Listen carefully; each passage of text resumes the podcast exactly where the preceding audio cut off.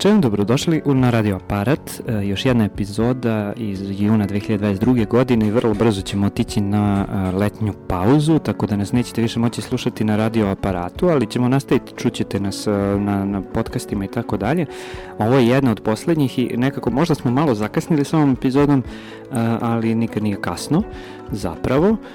videli ste u najavi, pričat ćemo o zmijama Balkana, uglavnom o zmijama Srbije i Makedonije, zato što naši gosti su uglavnom bili na terenima na, to, na tim područjima i otkud sad ta priča o zmijama Balkana, pa meni je od uvek bilo ovaj, zanimljivo koliko su zapravo zmije nekako ozloglašene životinja, one su zapravo uglavnom vrlo bezopasne. Bezopasne su uh, u skoro svim slučajevima osim ako ih ne napadnete i ne nagazite, a većina i koji, ko, ako, ako ih napadnite, nagazite i tako dalje, nisu opasne.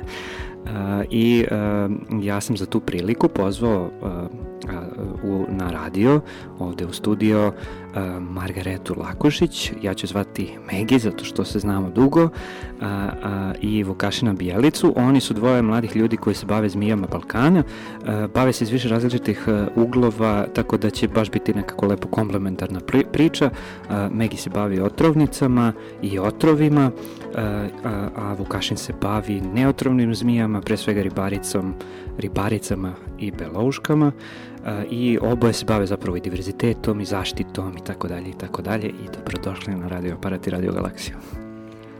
Evo je prvo hvala Dušana na pozivu i na prilici da ovaj, podelimo naše iskustvo i to čime se mi bavimo, na koji način istražujemo ovaj, gmizace na našim prostorima i nadam se da ćemo tu narednom periodu moći da malo približimo više ljudima šta su zapravo oni, kako se oni ponašaju, da zapravo da, nisu oni toliko strašni.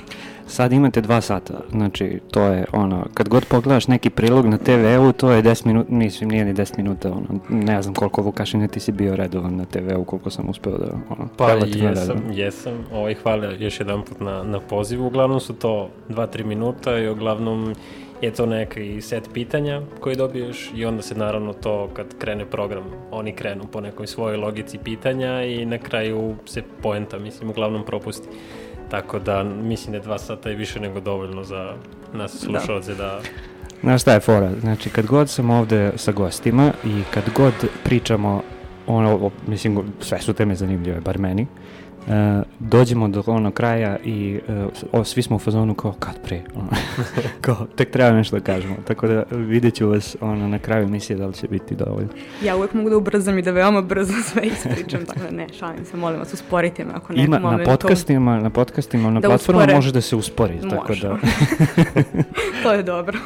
Treba, meni to treba i za u, u, uživo, za ovaj, priče nekada, ali da. A, eto ideje za uh, entreprenure. Uh, dobro, uh, ajde da, da krenemo od, um, uh, da, uh, pre, baš pre, ono, prošle nedelje, pretprošle nedelje, kad smo se mi čuli, tako da, nešto. Uh, ja sam bio na selu i sad postoji, kao što svi znate, znači, gomila ljudi se plaše zmija i potpuno su kompleksna ono verovanja u, u to da li su zmije opasne, nisu opasne, šta znače i tako dalje. I bila mi je potpuno zanimljiva jedna priča, ja ću sad treći put da prepričam tebi, ali no, slušaci nisu čuli, uh, jedan naš komšija je ubio zmiju, uh, jednu uh, od dve šarke, koje su se borile, on je to tako rekao, one su se borile, znači on, to znači zmije se prepliču, to, će, to ćete vi bolje da objasnite. Uh, I uh, Ubio je tu jednu zmiju i nakon toga nekoliko sati je krenulo provala oblaka i kiša i tako dalje i tako dalje. I njegovo objašnjenje je bilo, to neko staro verovanje, kako uh, kad se dve zmije bore, zapravo jedna simbolizuje dobro vreme, druga simbolizuje loše vreme, kao meteorološke prilike. I ako ubiješ jednu, ona druga će da zapravo E, preživi i takvo će vreme biti. I sada kupiješ pogrešnu, odnosno ubiješ onu koja simbolizuje le, uh, lepo vreme, uh, o, bit će loše vreme. I onda je on tako rekao, ja nisam smeo da je ubijem, nisam smeo da je ubijem i tako dalje i tako dalje.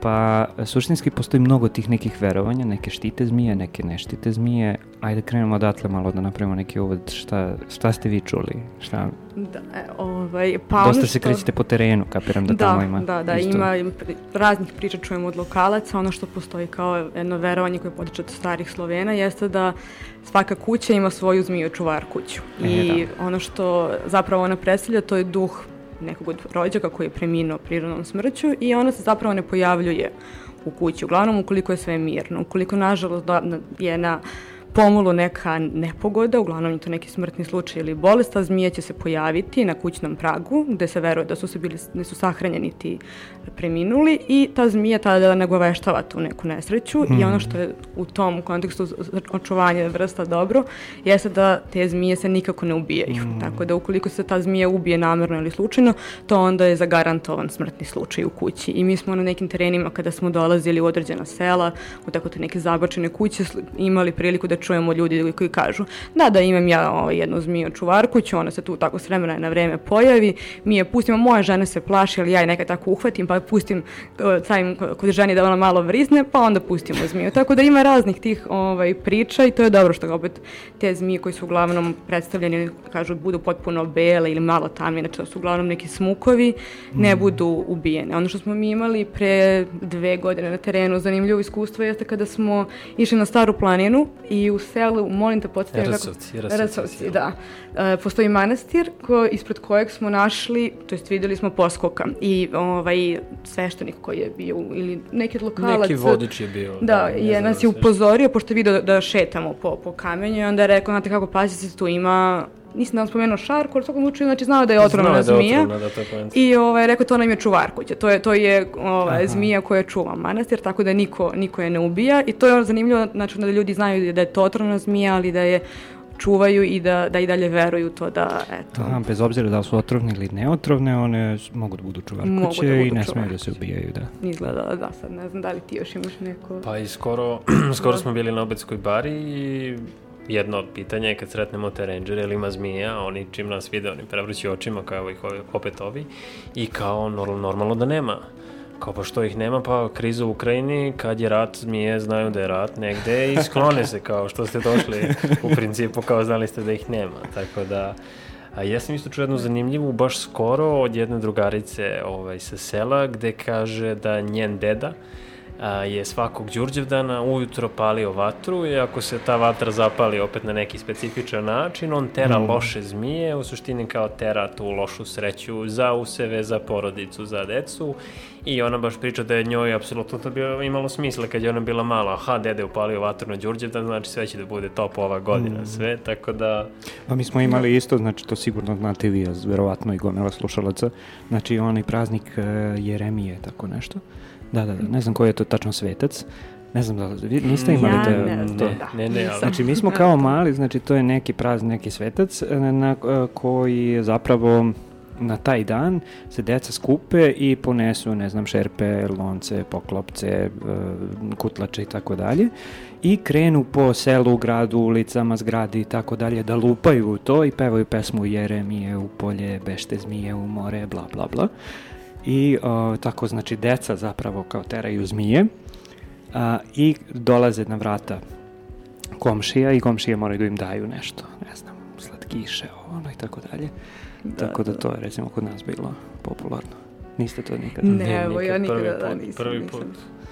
Da, ono što sam u nekom momentu čula to isto da, da sad da li za decu, ali je, dobro kao ako se spuste vunene odeće, čarape, čarapice, prsluci, to i da ako zmija pređe preko toga, da je onda u to dobro obući de, de, dete, kao da to donosi ima zdravlje. Baš, uh, u Makedoniji ima da, jedno selo Orman, gde je običaj, mislim da i dalje ima čak neka arhiva puno tih lepih slika, gde meštani svoju odeću, pogotovo, ja mislim, i dečiju, ako treba neko da se ženi mm -hmm. ili udaje, ovaj, oni, kad zmije izlaze iz hibernacije kad se pare, pošto ih ima u velikim količinama, oni stave tu odeću i onda gledaju da li će zmija da pređe preko odeće i ako pređe preko odeće, to je kao sreća i doneće sreću mladima.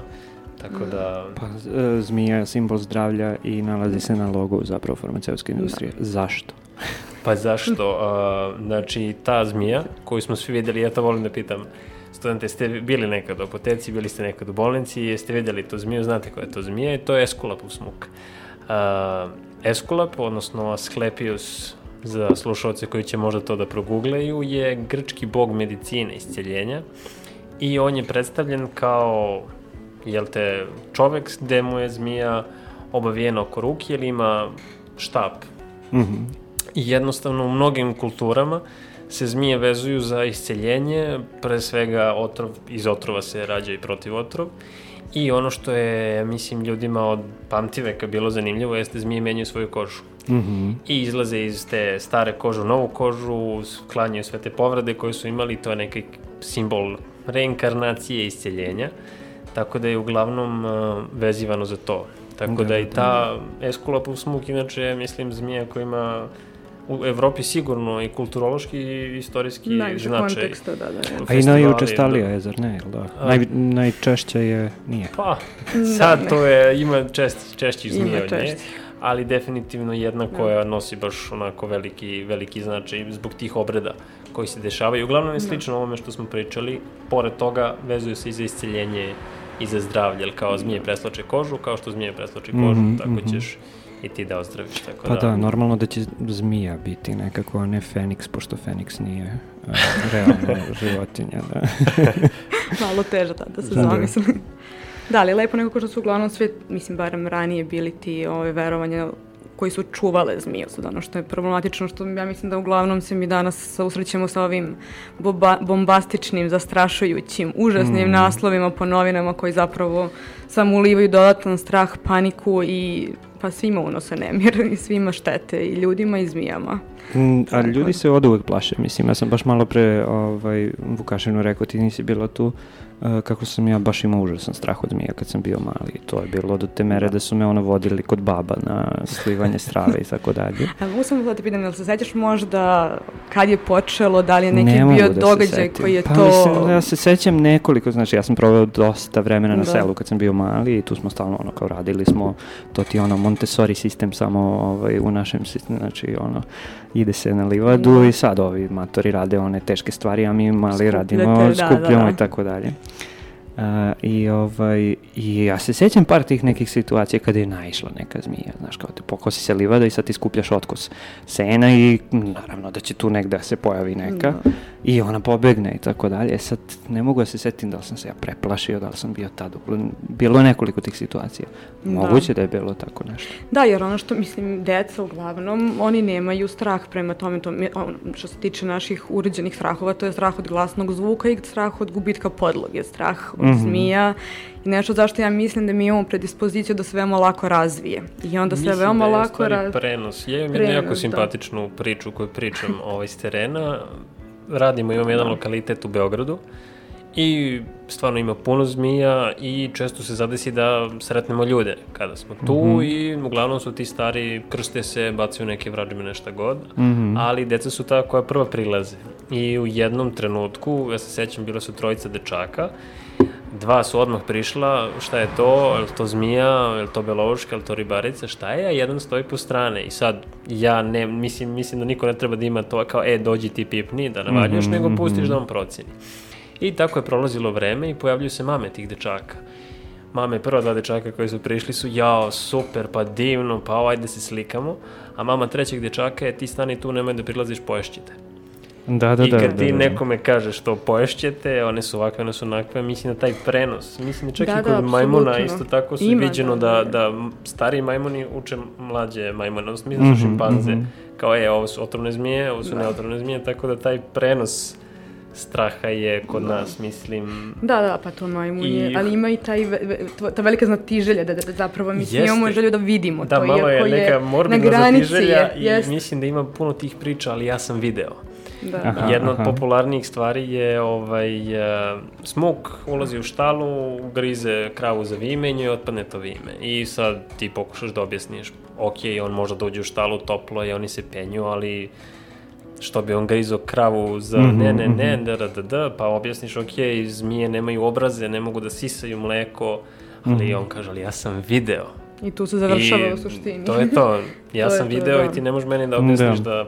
Hm. Tako da ima dosta toga i nekako te, taj fenomen hajdučkih priča, to je bila zmija. Da, da, da. Pa sećaš se, mislim, baš na... Pet metara. Da, da, bila je priča, ne znam da si ti bile isto, bili smo Marko i ja i kad je bio, a ja sam radio u Ajde. Nemačkoj na Bauštelu i kažu zmija jedna preko autobana, celog se rasprostrila, Sve zaustavlja. policajci, helikopteri. Anakonda. Jeste, jeste, Da, jeste, da, da. ima ih, ima ih po Nemačkoj te velike.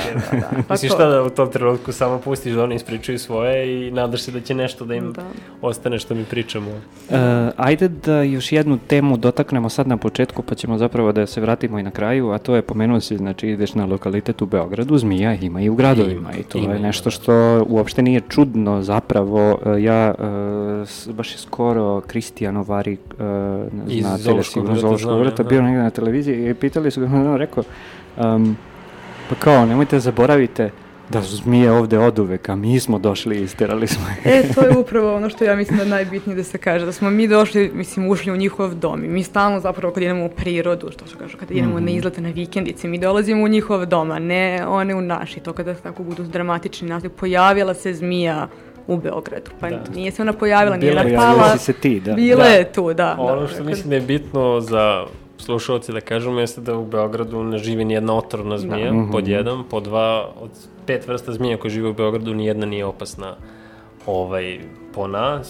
Ima ih Da. svuda.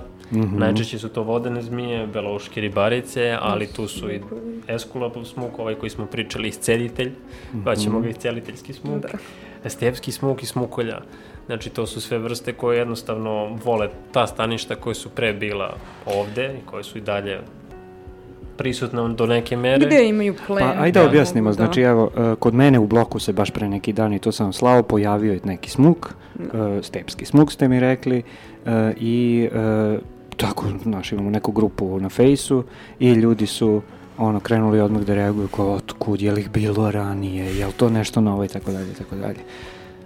Otkud, Pa- otkud stepski smuk u, u bloku na Novom Beogradu? Pa, stepski smuk jednostavno, mislim da je naziv kad se prevede sa engleskog zapravo kaspijski smuk, Dobro. a stepski smuk tako je prozvan na, na srpskom, ali u suštini vrsta koja voli otvorena staništa, žbunasta staništa i malo suvlja jednostavno, mislim da on ide od svih onih stepa dalje preko Bugarske, skroz, skroz ka Rusiji i kraj areala mu je, odnosno kraj njegovog rasprostranjenja je ovde negde kod nas Da, da, negde. Na Balkanu.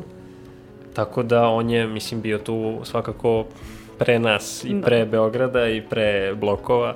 Tako da jednostavno to je njegovo stanište. Oni su se naravno povukle kako su se gradovi gradili, kako su ljudi dolazili. To je I- nalazilo su neka mesta Pa, gde neka njima mesta, odra, da, da, na primjer, ovaj, da mi radimo te lokalitete, u stvari bedem na Duvanu, Duvanu, Dunavu, Dunavu, ovaj, gde oni jednostavno u tom bedemu pronalaze super sklonište i super mesto gde mogu da polože jaja. To je da bedem, gde? Kod Pančevačkog mosta. Pančevački. Sa Pančevačke ili sa ove strane? Pa sa Krnjačke. Aha, znači, aha. s druge Sa te strane. strane, Da, da, da. da. Tako da, ali i pre nekoliko godina smo dobili prijavu da, Da, je na Novi kod Sava centra. kod arene. Da, znači ne. Arene, da, upravo si, da, kod arene. Pa Tako smo da, onda izlazili na Pa teren to da je to, uklonimo. znači tu ih ima, Da, Pa, da. ima ih, da. Ono što njih ima tamo gde ima plena. Oni jedu glodare je, i to to je je ono što, znači... jako su korisni zato da. što jedu glodare, samim tim Mi njima smanjuju... nismo plen, nismo im to pretnja svakako, ali smanjuju znači rasprostranjenje Da. tih bolesti, virusa, bakterije koje ti glodari Mhm, nose. Da. I uglavnom su ti neke velike emergence tih bolesti bile povezane sa tim da ljudi jednostavno istrebe su- zmije, pacovi, miševi se namnože i onda krenu Da, da, razno da. razne nezgodne stvari da se dešavaju. Još Da. jedan, ono, taj zdravstveni aspekt zmije. Da. Da, još da, jedan, da, su apsolutno, veoma mislim... ključne u lancu ishrane, kao e, predatori, kao smo, plen. Ako se tako sjećaš onog teksta koji smo Za- pisali, da ih ne, mislim da u Indiji, nisam siguran, možda se ti sjećaš da Da. koriste, zapravo ne ubijaju ih, nego ih koriste kao Mhm. neku biokontrolu. Način Na kontrole useve ih glodara puštaju, koje, da, i jednostavno zmije im rešavaju sve te potencijalne Da. probleme koje Jo, uništavaju. da, pa to sam vidio zapravo i ovaj, ima ono snimaka na YouTube-u kad, e, ne znam, pusti recimo na usev neku zmiju i ona se provuče kroz te kanale koje kopa Da. slepo kuće ili šta god. Da, da, da. Tap, tap, tap, pohvata sve šta Da. treba, ćao, rešen problem. Da, da, da. Sad i to treba na neki način biti kontrolisano, jer un, da mi To, mislim, unesemo to bilo koji problem, organizam da, koji kao ali- hoćemo da iskoristimo kao predatora, može da dođe do toga da i Da to nekontrolisano zmije i se da- namnože, da. Beograđani se preseli iz Beograda i gotovo. Pa nije ni to loše. Možda i to može. Da mi imamo više mesta da ćemo da hvatamo ih. Uglavnom mislim da je suština ta da su Da. stvarno korisni u ekosistemu. Mhm, mhm. Pogotovo u gradskim gde je svakako te neke vrste koje su vezane za čoveka kao što su pacovi, miševi, to apsolutno su prirodan način njihove kontrole, znači nema potrebe za otrovima Da. i glupostima, nego jednostavno imate šta je priroda stvorila da kontroliše. Mhm.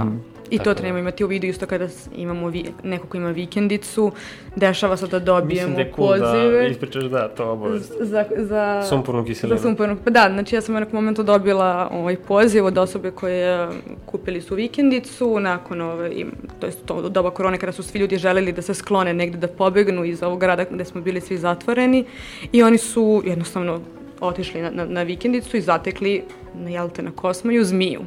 E sad, opet ono što kao sam ja rekla, mi ulazimo u njihov dom, u njihovo stanište i mislim da samo treba da naučimo da svi živimo u nekom miru i sa, sa tim Ali svim. priča je zanimljivija šta je, Da. šta je bilo njihovo rešenje. Njihovo zato- rešenje zapravo, pošto su se oni hteli to da reše, znači prva opcija je bila da, da mi dođemo da usklonimo zmije, e sad, na- nakon što ih mi sklonimo, oni moraju nekako da to osiguraju, da, da tamo zmije više neće biti, Aha.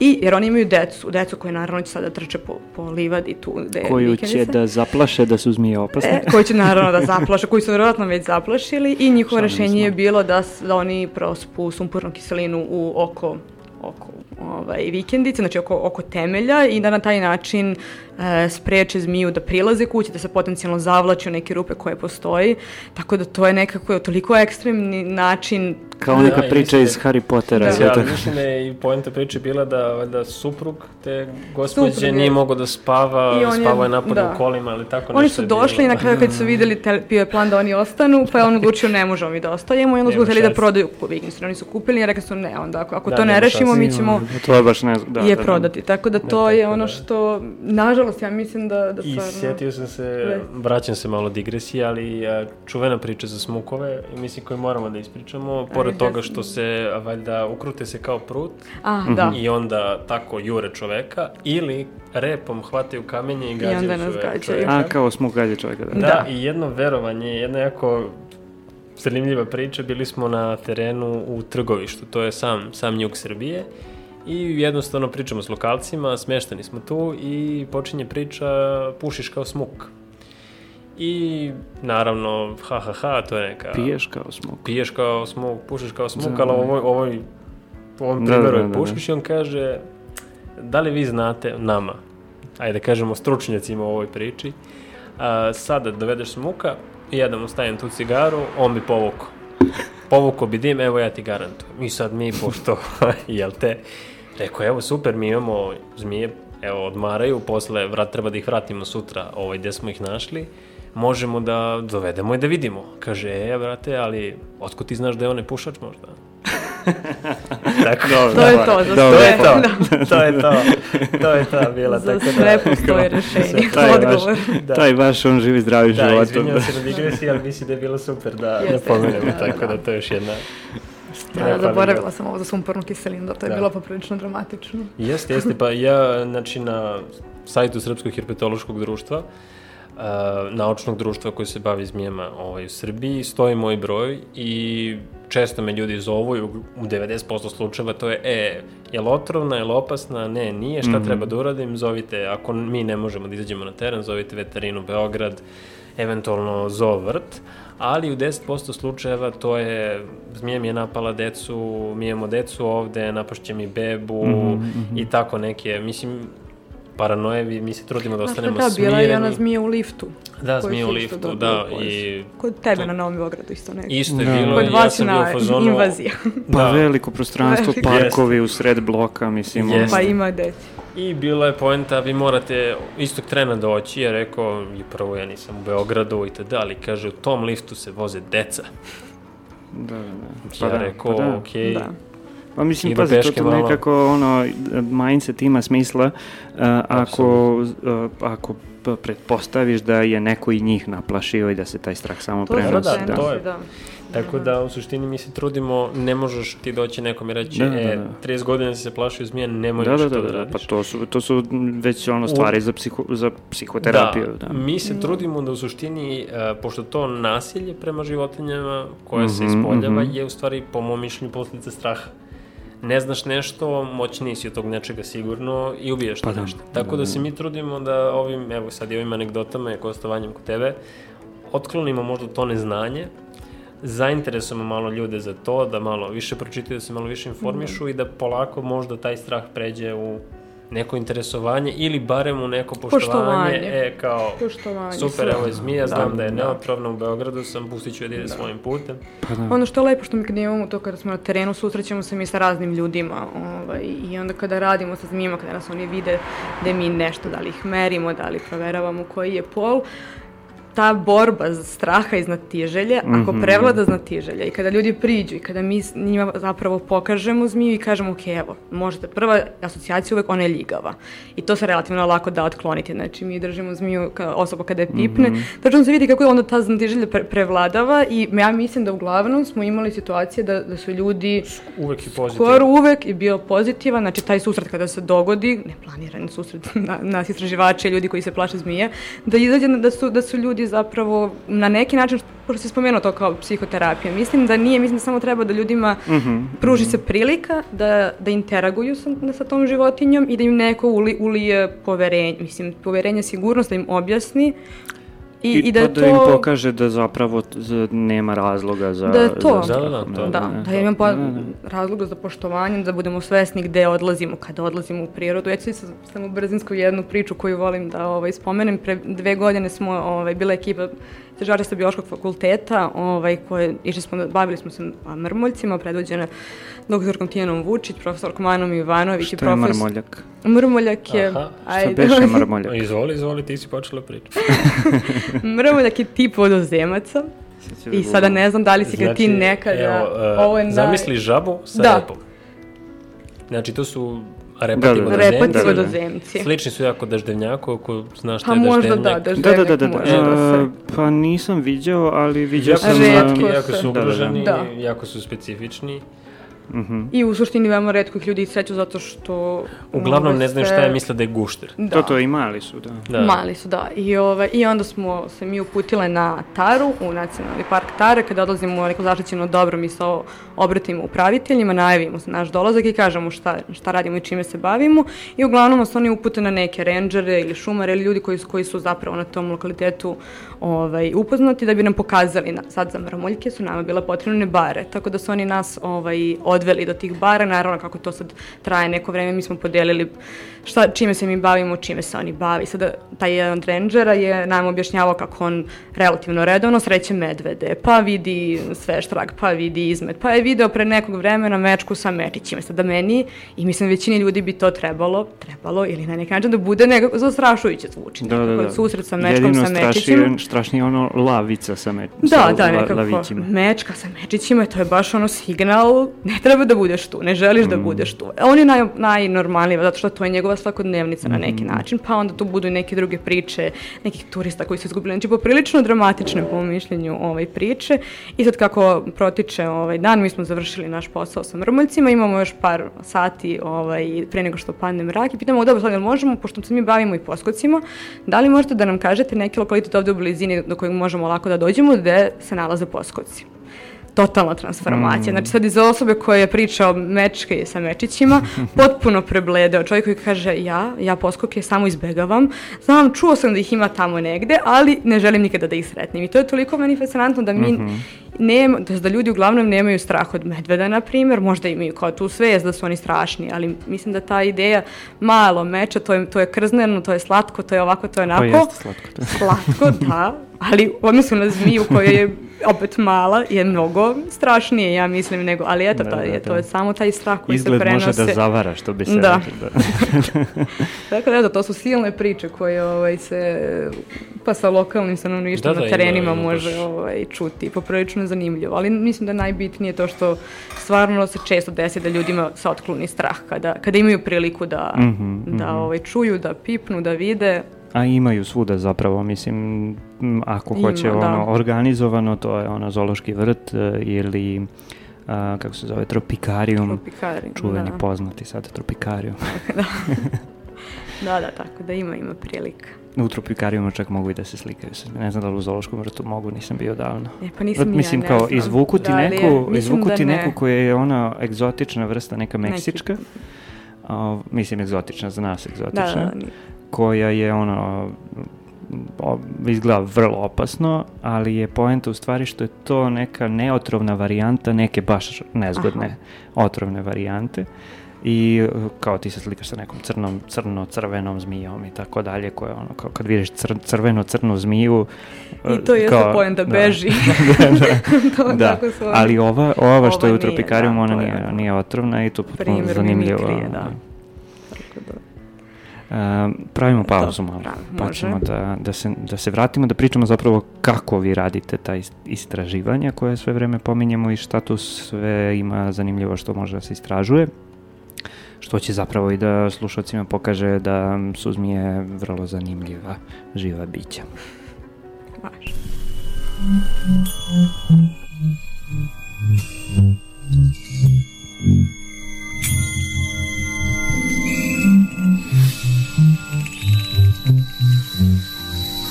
Dosta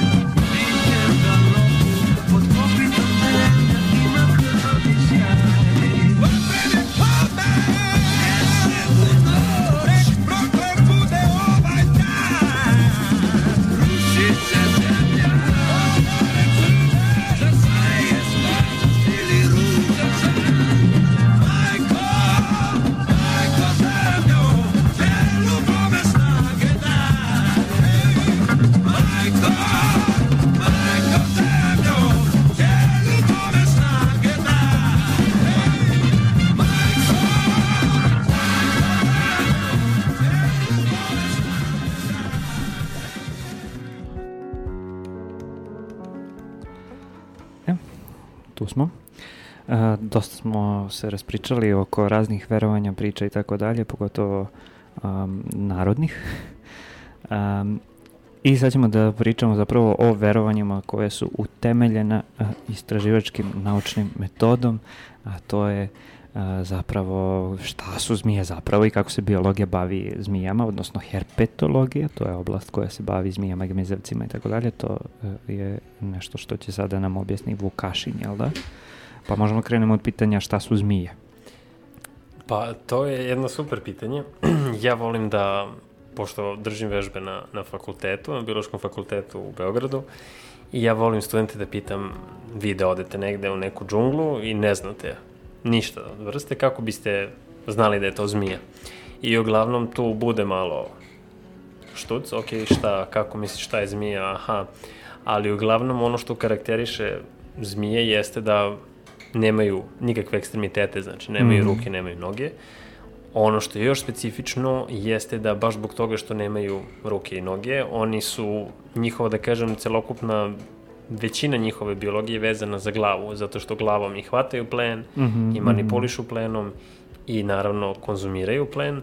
A, samim tim, a, mislim da sam već pomenuo da zmije nemaju obraze i u suštini ne žvaću svoj plen. Postoje neke vrste koje ga komadaju, mm -hmm. ali to su sad neke egzotične i nećemo, mislim da je to previše detalje. U suštini oni moraju ceo svoj plen da progutaju, uglavnom mm -hmm. iz jednog dela. Samim tim imaju mnogo, mnogo zglobova u, u lobanji. Čak imaju neke vrste, imaju iz zglobove u gornje vilici, tako da, pored ovog viličnog zgloba koji mi imamo, oni imaju još jedan Tako da mogu zapravo gornju vilicu na dva dela da razlome da bi otvorili usta. Razlome malo jaka reč, ali da, u suštini... Da, Trenutno da, razdvoje. Da, razdvoje, mislim da. da, da, da je uvek kao zmije mogu da valjda iščaše vilicu da, i da... Na... Ot, otkače donju vilicu. Da, ali to se ne dešava. Oni u suštini...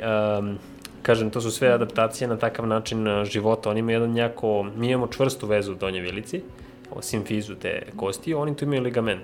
I onda u suštini oni mogu aha, taj ligament aha. da, da pomeraju da i u da. suštini nezavisno da pomeraju levu i desnu stranu vilice. Mm -hmm. Što je da. još korisno iz jednog razloga. Ako se zagledate u neku sliku zmije, čak i ovi malo strašljiviji slušalci, a, vidjet ćete da zmije nemaju spoljašnje uho. Znači, za razliku od guštera koji imaju mm -hmm. nekak, nekakvu vrstu otvora na glavi koja predstavlja spoljašno, spoljašnje uho. Mi imamo ovu školjku koju svi jasno vidimo, ali gušteri imaju i kornjače naravno imaju ovaj, uh, rupu. Zmije nemaju spoljašnje uho, imaju naravno unutrašnje mm -hmm. uho i mogu da čuju, ali kako čuju? Da, imaju nozdrave i oči i to je to. Ovo nozdrave i oči, to je to, tako je. A, mm, kako čuju? Da. A, čuju na jedan jako interesantan način, da ne bih sad ulazio previše na neke anatomske detalje, u suštini njima je svaka ta kost u donje vilici, odnosno te dve kosti koje se nezavisno pomeraju, povezana sa unutrašnjim ovaj uvetom, odnosno aha, na aha. tu membranu te kosti su povezane u jednom nizu. I u suštini zmija koja leži na zemlji, Aha. prima vibracije, vibracije iz leve da. ili iz desne strane i ona tako u suštini može da čuje. Naravno, to su jako niske frekvencije koje zmija mm -hmm, može da mhm. čuje, ali ipak čuje. Mm -hmm. I uh, rekao si da imaju nozdrave i oči, ali zagledaj se u oči da li im nešto fali na očima. Pa zenice. Uh, Mislim da. sad gledam. Uh, da, čekaj da vidimo poskok. Uh, trepavice. A, trepavice i kapci. Da, kapci, da. A, da, zmije, da, da, za razliku od guštera, nemaju kapke i imaju srasle kapke aha, aha. u nešto što se zove žmurnjače. Ja mislim da je to ovaj, a, srpski naziv i u suštini to je sve posledica opet adaptacije na takav način života, takođe, za razliku, na primjer, od guštera, zmije imaju jako kratak rep, imaju jako dugačko telo mm -hmm. i mhm. naravno, pošto imaju tako jako dugačko telo, njihova rebra imaju ulogu u lokomociji, imaju puno kičmenih prštenova, imaju puno rebara mm -hmm. i baš zbog različitih staništa u kome žive kreću se na mnogo različitih i zanimljivih načina. Mislim da smo svi videli da. One zmije u pustinji koje se onako namotavaju. Aha, aha, Postoje aha. snimci ovaj, na internetu koji kruže, videli ste, mislim, kako se kreću kao gusenice. Da. I pr prednji deo tela, pa onda spoja oba tela, bukvalno se kreću kao... To, to nisam vidio. Da, da, da, da, i mogu bukvalno rebro po rebro da, da pomeraju. Da se navlače da se tako, na neki U suštini da se navlače. Gusenica, da, da, da gusenica. I da se tako šunjaju na neki da, da, da. način. Da. Pa ne, pa, izvim, samo, znači, fascinantno za nekako, za organizam koji nema ekstremitete, na koliko oni načina mogu da se kreću kroz koje sve medijume. medijume. Da, znači, u suštini to su... imamo jedna vrsta iz Azije, Hrizopelea se zove rod, mm. one u suštini lete. Ček je rađeno da. jedno jako interesantno istraživanje. Ta, ta vrsta se je arborealna, to je jedna fancy reč da se kaže da živi od podloge. Da, da. Znači živi uglavnom na a, drveću i a, kako prelaze s drveta na drvo, tako što jednostavno ne mogu da skoče, bace, puste se, recimo puste, puste se. se i prave te vijugave pokrete. A, da, da. Ali oni, mislim oni da- rašire, ja mislim, malo, ma, to jest na neki način dolaze rade, do ali- blagog spljuštavanja tela, kako ne Pa bi moraju bio da imaju neki malo veći otpor, Da, kako bi imali da. veći otpor. Ideja istraživanja je bila Da, da, da. li su te leteće zmije u stvari samo zmije koje padaju. I ona Aha. jednostavno proceni da će da padne na tu granu i onda je bilo jedan jako interesantan eksperiment. Vrlo lako može da se nađe kad se traži ta zmija na internetu. U suštini one aktivno kontrolišu. Sad ne znam da li šire, ne šire. Ti si Mm, bila da, da. tamo po Tajlandu pa Pa znaš, videla si ih uživo, ja sam samo gledao te snimke Da, ovaj da. eksperimenta. U suštini ne samo da mogu da kontrolišu pad, nego u suštini mogu i da se manevrišu. mogu da se Manevrišu okreću. kroz vazduh, znači oni Da, mogu da tako da padu- naravno imamo morske zmije Wow. koje Isključivo imaju morske, da. pa da, isključivo da, da, morske. da. Morske Ne, ne, treba da nazivu, pričam o, nazivu tvojim... Od, ovaj, da su morski. Da, imaju znači ali rep vode obliku ne. vesla. Toliko su adaptirane na, na život u vodi da imaju rep obliku vesla.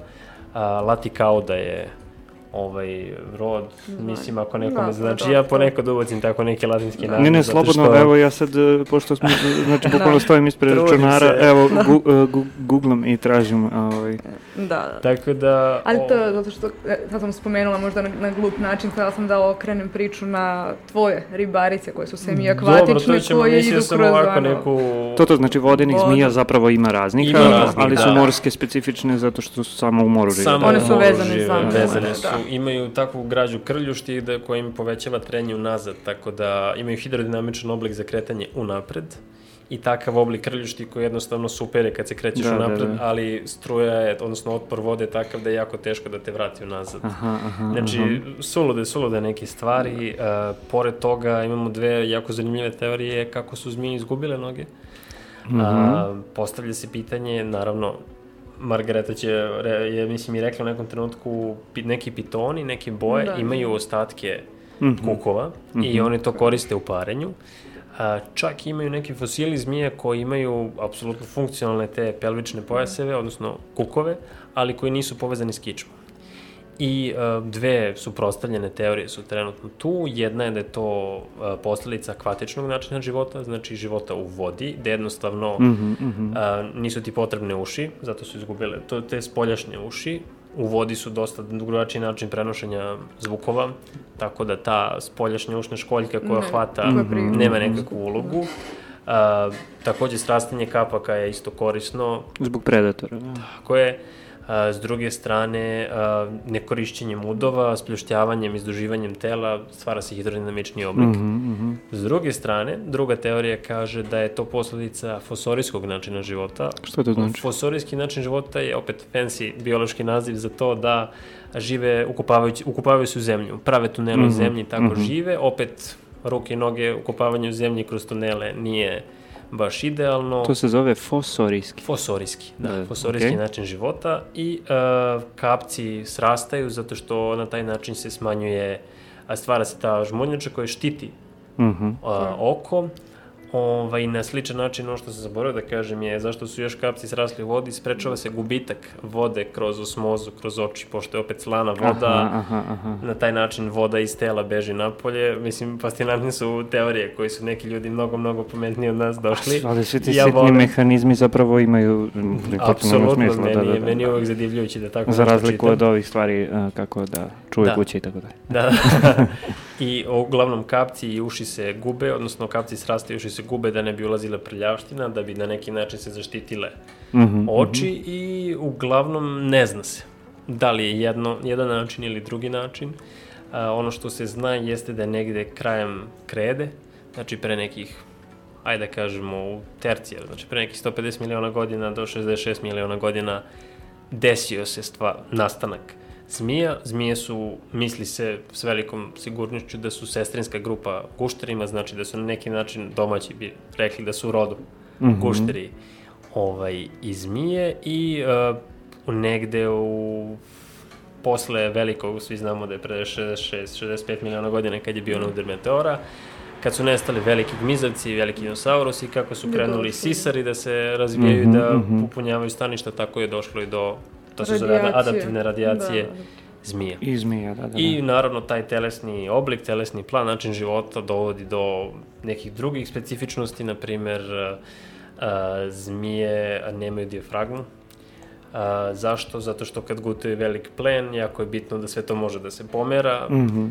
A, s druge strane, kod... Redukovane organe. Redukovane organe, zbog tako izduženog oblika tela, njima su bubrezi jedan ispred drugog.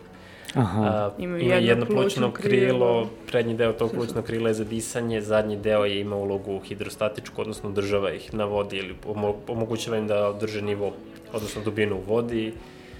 A, ka, a kako smo to sve to saznali? A, znači, kako se sazna da, ne znam, funkcija jednog plućnog krila je baš takva? Uglavnom, to su neke, kako da kažem, znatiženi ljudi koji postavljaju pravo pitanje u pravo vreme. A, ja ću navesti za pluć, za pluće je konkretan primjer da su oni gledali na koji način je vaskularizovan, odnosno kakav je struktura krvnih sudova. Mm -hmm. I da su mhm. vidjeli da su krvni sudovi u prednjem delu pluća jako prošireni, mm -hmm. puni krvi, a u zadnjem baš i ne. Mm -hmm. I onda naravno dolazi do teoretisanja, što je veliki deo nauke, odnosno sve su neke teorije, i uh, posmatranjem uh, tih zmija u njihovom staništu, kako se ponašaju, ovaj, dolazili su do različitih zaključaka. Naprimjer, jedan super eksperiment je bio sa kraljevskim kobrama, inače jednim velikim otrovnicama i naravno kraljevske kobre koje mnoge druge zmije šište. Mm -hmm. I te naučnike je konkretno zanimalo, ok, ali kako one baš šište? I onda su došli na briljantnu ideju da a, daju helium kraljevskim kobrama i da vide da li će im to možda kao kod nas i naravno mislim da je komentar u tom radu bio da su imali sobu puni, punu otrovnih Mickey Mouse-ova koji šište wow. i tako su došli do znači, nekih... to je ono uh, za Ig Nobelovu nagradu. Da, da, da, to su neke, neke super, super ove, ideje i jako znatiželjni ljudi, tako da to je, to je ovaj, neka osnova nauke. Mislim, ima još puno zanimljivosti, ja bih mogao ovome da baš onako da drvim. Mm dugo, mislim da ću samo još jednu reći i onda ću ostaviti Margareti možda nešto da kaže. Uh, ono što je meni najfascinantnije čulo kod zmija, uh, pored tog, ovoga što znamo da zmije palacaju jezikom i da je baš zato Arkom imaju račvast jezik da bi mogli da to rade, jesu, oni imaju infracrveno čulo, znači imaju te jamičaste organe koji se nalaze kod zvečarki i kod pitona i boa, kojim bukvalno omogućavaju da čitaju infracrveni. Aha. Da, infracrveni opis uh, plena i to funkcioniše na jedan jako super ovaj način, znači tim jamičastim organima, a, na primjer ako opet proguglate malo vidjet ćete da boja i pitoni imaju dva jamičasta organa tu kod nozdrava i mi da se oni zovu labijalni, a kod zvečarki su to lorealni, odnosno imaju odmah ispod oka. I u suštini postoji jedna membrana koja je jako prokrvljena, Mm -hmm. I uh, u suštini uh, to, ta membrana se direktno nastavlja na jedan nerv. I ti terminalni, odnosno ti završni delovi tog nerva su direktno u toj membrani i u suštini plen uh, koji emituje svoj spektar toplote, ta toplota pogađa tu membranu mm -hmm. i jednostavno te, ta, bukvalno ti tikovi se povećavaju i signaliziraju. Da, i kaže se, mislim da je 0,00, mislim da je 0,0001 stepen Celzijusa i osjetljivost tih organa. Mislim da su tri nule posle zareza. Da, da, da. da, Tako da, da i mislim da je pored toga, opet, onda, su, onda pitanje bilo, ok, da li to njima služi samo za plen, I onda jedan kreativan eksperiment je bio, ajde da uzmemo zvečarke i da im stavimo povez u kočiju. I da, zvečarke aha, koje vas imaju povez u kočiju mogu jako uspešno da uhvate plen, nije im toliko potrebno. Za razliku I... od ovih koji nemaju zapravo Tako te... je, da Tako je, i onda još jedan eksperiment bio, ajde da ih stavimo u jedan lavirint i da bude baš neugodno toplo u tom lavirintu, znači ne previše toplo da im naškodi, jer jednostavno mm -hmm. zmije kao i mi ne vole da im bude previše vruće. I onda su shvatili da vrste koje imaju te jamičaste organe mnogo brže mogu da nađu izlaz iz tog lavirinta koji je naravno hladniji Da, da, da, da, da. A oni koji nemaju, koji se oslanjaju drugačije, znači to da, su, to znači su neki... Znači za termoregulaciju. Da, znači da, za da. termoregulaciju i uglavnom to su takvi eksperimenti. Neko postavi pitanje, neko dobije da. neku ludu ideju i naravno ne uspeju sve lude ideje, ali neke od tih ludih ideja uspeju i onda je to. Da. I imamo tako da, super. Tamo nisam mogu, pošto si spomenuo zvečarki, taj plen, e, ovaj, da... Izvini, znači sad evo gledam, s, uh, da, prekidam, hoću da se nadovežem zapravo, uh, znači evo ti sad pričaš o, o zapravo termalnim detektorima kod zmija mm -hmm. uh, i ok, krenuo sam odmah to da kucam boa snake thermal detektor i vidim da postoji časopis koji se zove Journal of Thermal Biology. Znači yes. kao cela oblast da, koja se zapravo da, bavi, bavi da. tim stvarima, da. Um, ajde sad, da. Sad, o, pa, ovaj, malo će da bude zbrda s dola, ali s obzirom da smo na toj temi zvečarke i kako one prate plen, ono što je zanimljivo... Znači, nema zvečarke kod nas. Nema zvečarke kod nas. ovaj, e, uglavnom su u Severnoj Americi i razne neke zanimljive stvari su isto rađene na njima. Ono što su uh, ljudi isto ovaj, eksperimentisali da vide kako, znači znamo da, da one prate plen preko uzimajući molekule ovaj, iz okoline, iz svog mm -hmm, okruženja mhm. preko jezika i onda se ovaj, na neki način orijentišu, nalaze plen i oni su sad ja se izvinjam što ću iskoristim ovaj engleski naziv ukoliko Vukašin ima neki predlog, oni su uh, bite and release uh, predatori, što znači da oni mm -hmm. svoj plen ugrizu i puste. Ugrizu, puste ga i onda plen uglavnom na neki, donekle on može da pobegne dok taj ovaj, otrov ne počne aha, da, aha.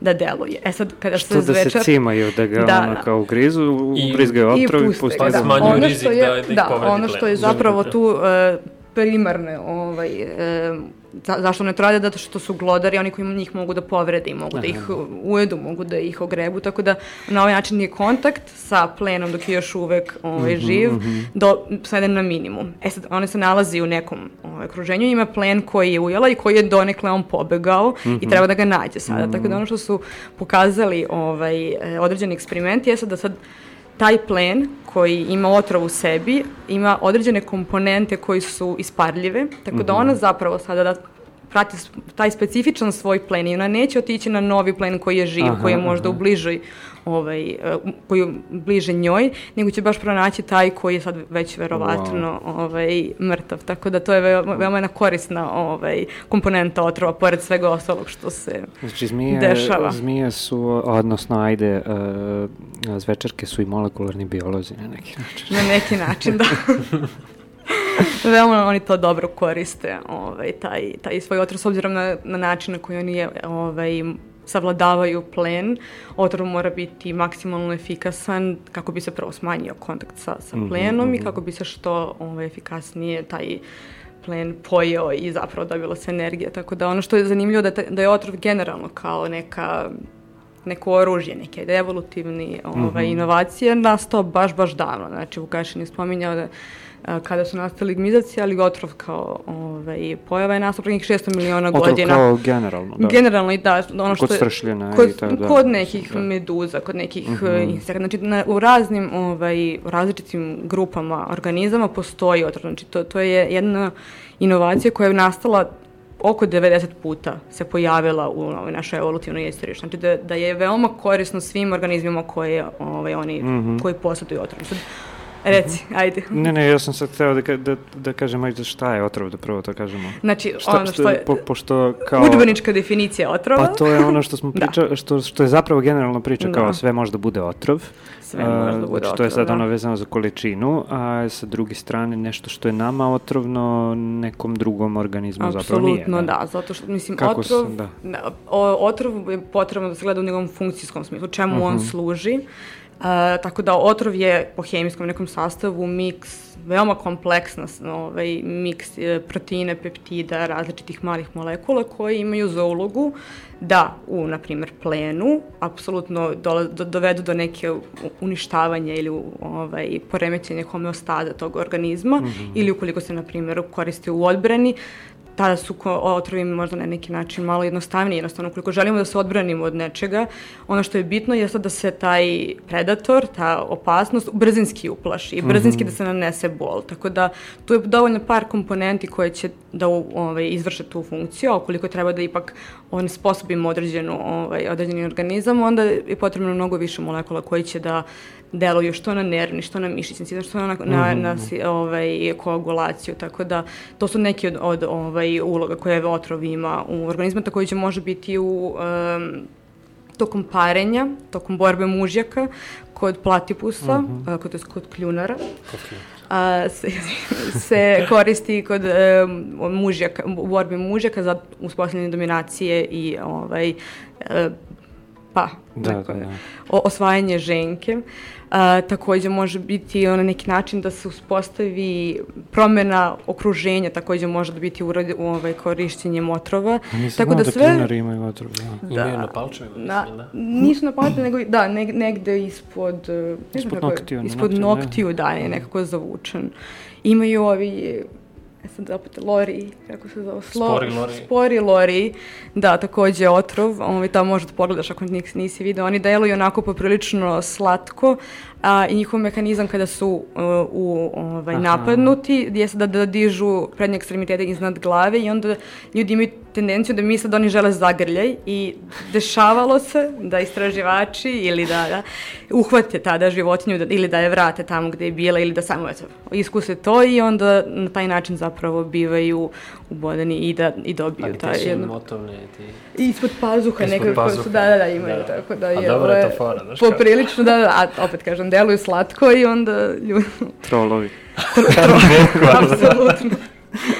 Tako da, mislim, poprilično je to onako jedna kompleksna i zabavna, ovaj, ja mislim, stvar, taj otrov i, i ono što je bitno da se, da se kaže, on uvek se zasniva, to jest kako se on razvija, kako se on menja, to je u odnosu na ono šta, šta radi. Tako da mi, na primjer, ako imamo zmije, kako razmišljamo u, u kontekstu, na primjer, ovih naših otrovnica ovde, Sastav otrova će, se, i bit, će biti određen onim čime oni jedu. Tako da Mhm. one koriste otrov isključivo za ishranu, ne, ne koriste ga za odbranu od, od predatora, ne koriste ga da bi nas na, u, ovaj, na neki način povredile, već da bi uhvatila taj plen. Tako da u zavisnosti od toga šta one jedu, da li su to ektotermni organizmi, da li su to endotermni organizmi, da li su to Hladnokrvni ili toplokrvni. hladnokrvni ili da. toplokrvni organizmi, da, njihov otrov se menja kako bi bio što, što efikasniji. Mhm, mhm. Tako da, sad, U smislu, u smislu da recimo, ne znam, uzmemo primer e, šarke. mm, E, okej. ako napada, ne znam, e, pacove i ako napada šta bi drugo moglo, žabe, Pa one, na primjer? na primjer, Da? ajde da kažemo Su to da... dva različita Znači, tipa? da. evo, možemo na nivou šarka, na nivou poskoka, to je mi meni malo na neki Mm. način bliže s obzirom da se time bavim.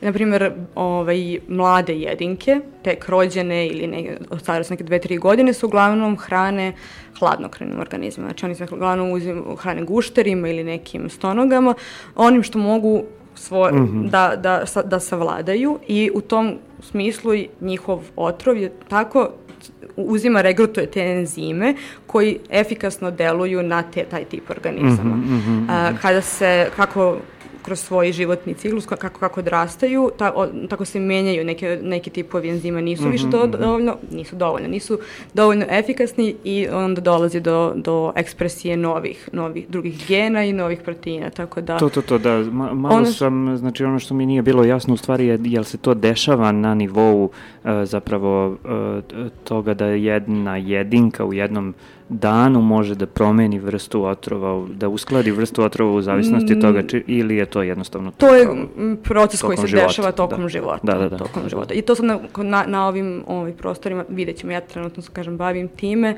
ovaj, koliko su zapravo to dramatične razlike, tu mora se naravno ispirati prvo koji je to sastav otrova, koji su to proteini, koji su proteinske familije koji su uključeni i na što one deluju. Ali zna se, na primjer, na nekim ovaj, primjerima otrovnice iz Indije ili iz Australije, da su te razlike mogu biti poprilično dramatične, u, dramatične ve, em, velike u kontekstu toga da juvenilne jedinke, mlade jedinke mogu i e, njihov otrov može imati, na primjer, citotoksično delovanje, znači da deluje na ćelijske membrane na, na, ili, na primjer, na koagulaciju, na faktore koagulacije, a onda kako jedinke ovaj, bivaju, postaju odrasle, da se njihov otrov postaje neurotoksičan. Tako da, sada kada razmišljamo u kontekstu ljudi, što se najčešće dešava naravno, ovaj, što nama najbitnije, kada pravimo protiv otrov, bitno je onda uzeti u obzir to da li je, da li je ovaj, bio ujed juvenilne jedinke, da li je ujed odrasle jedinke. I tu sad ima ona priča, kad te ujede zmija, uhvati zmiju i ponesi sa sobom. A, da. da, da, da, da, da. Pošto si se... Ne treba to raditi. Nikako, nikako, apsolutno. Nisi, Mislim, ne treba hvatati zmije. Ne treba broj hvatati, z- prva stvar, prva stvar ne hvatati zmije. Mislim, generalno ulazak ono, u prirodu i vi, bilo koja divlja životinja bi trebalo da se ostavi na miru. To je nešto što ću ja sad ovaj, Da spomenem, mi smo pre e, dve godine e, postavili jedan eksperiment da vidimo šta je zapravo ono što do, dovodi do najvećeg stresa ovaj, kod mm -hmm. zmija. Ono što je nama bilo bitno da, da vidimo jeste to da li vađenje krvi, koje je nama korisno u kontekstu toga da možemo različite e, fiziološki status životinje da odredimo iz krvi. Znači možemo sad e, koncentracije hormona, određenih molekula iz toga da izmerimo i jednostavno je tehnika koja se koristi, uh mhm. -huh. ali postoje određene regulative koje sada e, vode ka tome da se to naravno smanji zarad dobrobiti životinja.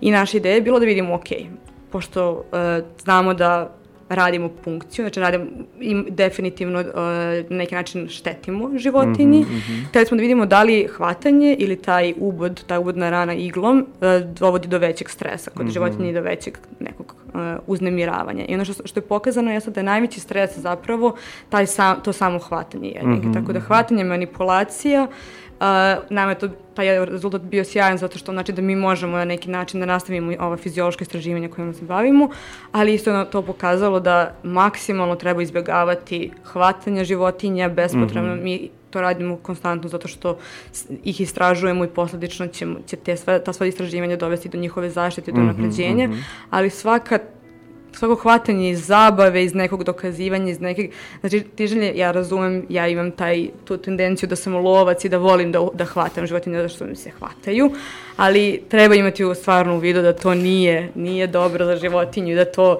mislim, samo ideja da neko dođe, neki ogrom predor da vas uhvati, pa vas malo po, po rukama razlači, pa se slike po oko vrata, da, da, da. Nikako, pa ja to uvek, nikako. ja to uvek pričam, ovaj, kad god, ovaj, zamislite tebe neko tako da. Zamisli, da, da, da, da. I onda kad, ako dođe, na primjer, da tog ujeda ovaj, određene otrovne zmije, ta ideja da se onda ona uhvati, znači tu onda može da dođe do još jednog ujeda, ovaj, ne, ne. ili da se onda ubije pa da se donosi je apsolutno Da, ne, zaboravili smo nešto... zapravo da kažemo i to stalno, uh, ali evo to ćemo u jednoj rečenici sasvim dovoljno, znači zabranjeno je ubijati zmije, možete zaglaviti zatvor i ogromnu novčanu kaznu, da, tačka. Da, da, da. Svig, svig midaci su zakonom zaštićeni, znači u zakonom koji je donet našim ustavom i ne treba, ovaj, ne sme se hvatati manipulisati, ubijati, bilo što raditi sa, mm -hmm. sa njima. Tako da ovaj, u, u slučaju ujeda to je ono, ostati smiren, ne, ne, ne sisati ranu, ne pokušavati da se izvuče ta, taj otrov ovaj,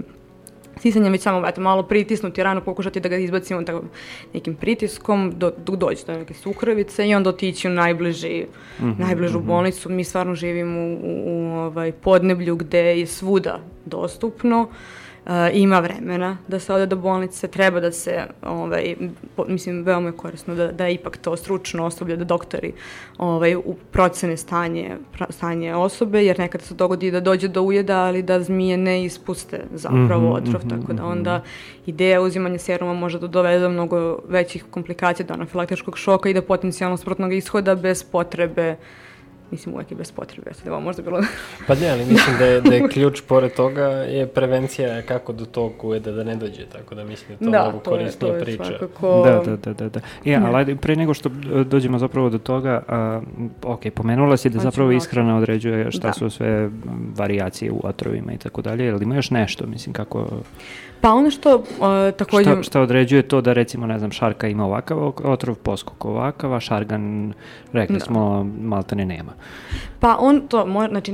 Ovaj... Odnosno nema opasan po čovek, da. Da, da, ima, ima otrov, on, on se, šargan se hrani insektima, tako da njihov otrov poprilično drugačiji od ovih koji se hrane sisarima i možda imaju više komponenti koji su ovaj, nama bliže, to je na, jednostavno zmije koje se hrane sisarima, njihove ovaj, otrovi su specifi, postoje proteini koji se direktno utiču na sisarski sistem, Jer da li nervni, sisari, da li, da, da, da li nervni sistem, da li na cirkulaciju? I onda jednostavno može mnogo više komponenti da na, na, kod nas utiče nego koliko je zmija koja je specijali, usko specijalizovana za, za insekte. Mm -hmm. Tako da u tom kontekstu za nas nije opasan ovaj, otrov šargana. A, glavni, glavni definitivno ovaj, faktor jeste, jeste ta, ta ishrana, mi tu možemo pričamo znači, kroz uh, ontogeniju, to je kroz, kroz život jedinke se on menja, ali opet u kontekstu ishrane. Može da se, mm -hmm. kod iste vrste, u zavisnosti od geografskog ovaj, prostora može da se menja, ali najverovatnije opet u kontekstu ishrane. Šta mm -hmm. oni imaju kao ovaj, dominantan plen. Tako da ono što kod nekih vrsta, kod zmija ne toliko, ali kod drugih otrovnih vrsta, predatori, znači ukoliko je otrov se koristi u odbrmene svrhe, onda i predatori ovaj, mogu da na neki način menjaju taj, taj sastav otrova.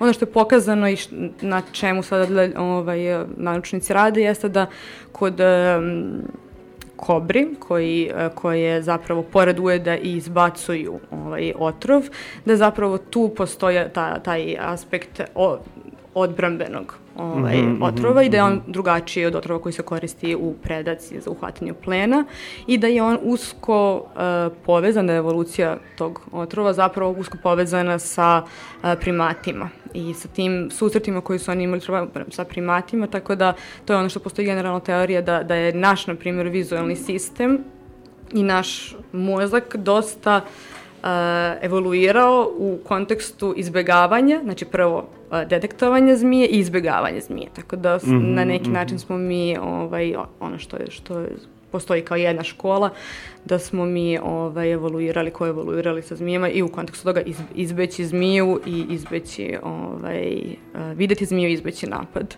I to je da, najbolja zapravo prevencija za ujed. To je najbolja pre... Pa da, pored, da, najbolja prevencija je... Odnosno najbolje lek. Da. Meni je ovo interesantno kao ko evoluirali smo smijema, a nije nam urođen strah od zmija, čekaj, čekaj, šta, e, pa da, tu, šta se tu dešava? Tu onda ulazi priča da Opa. realno na neki način verovatno jeste, mislim imamo predispoziciju za veoma lako razvijenje straha od zmije. Sad, ja ne znam da li, da li ja će se... Ja sam više se šalio, da, da, da. Sam, mislio sam da je interesantna teorija, nisam da čuo pre.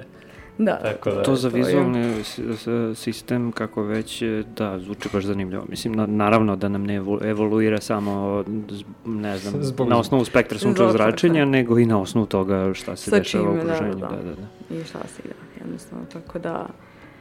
Gde smo bili još? Dobro. Da.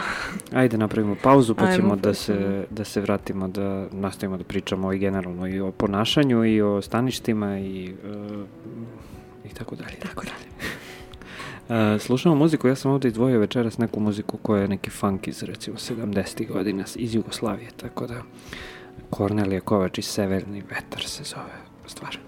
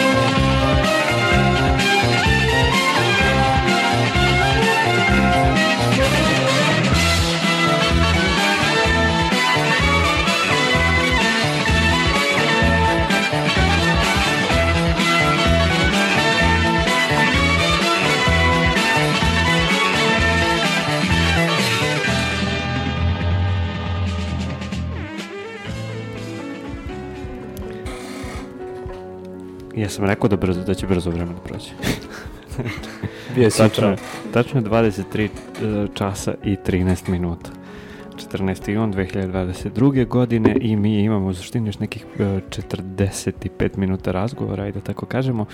A, mnogo tema ima, ja se nadam da svi koji slušaju će se zainteresovati da čitaju dalje, ali, a mi ćemo da nastavimo da pričamo pa dok stignemo a, šta je zanimljivo zapravo e, dalje je ono što sve vreme zapravo pričamo kao nešto što se podrazumeva.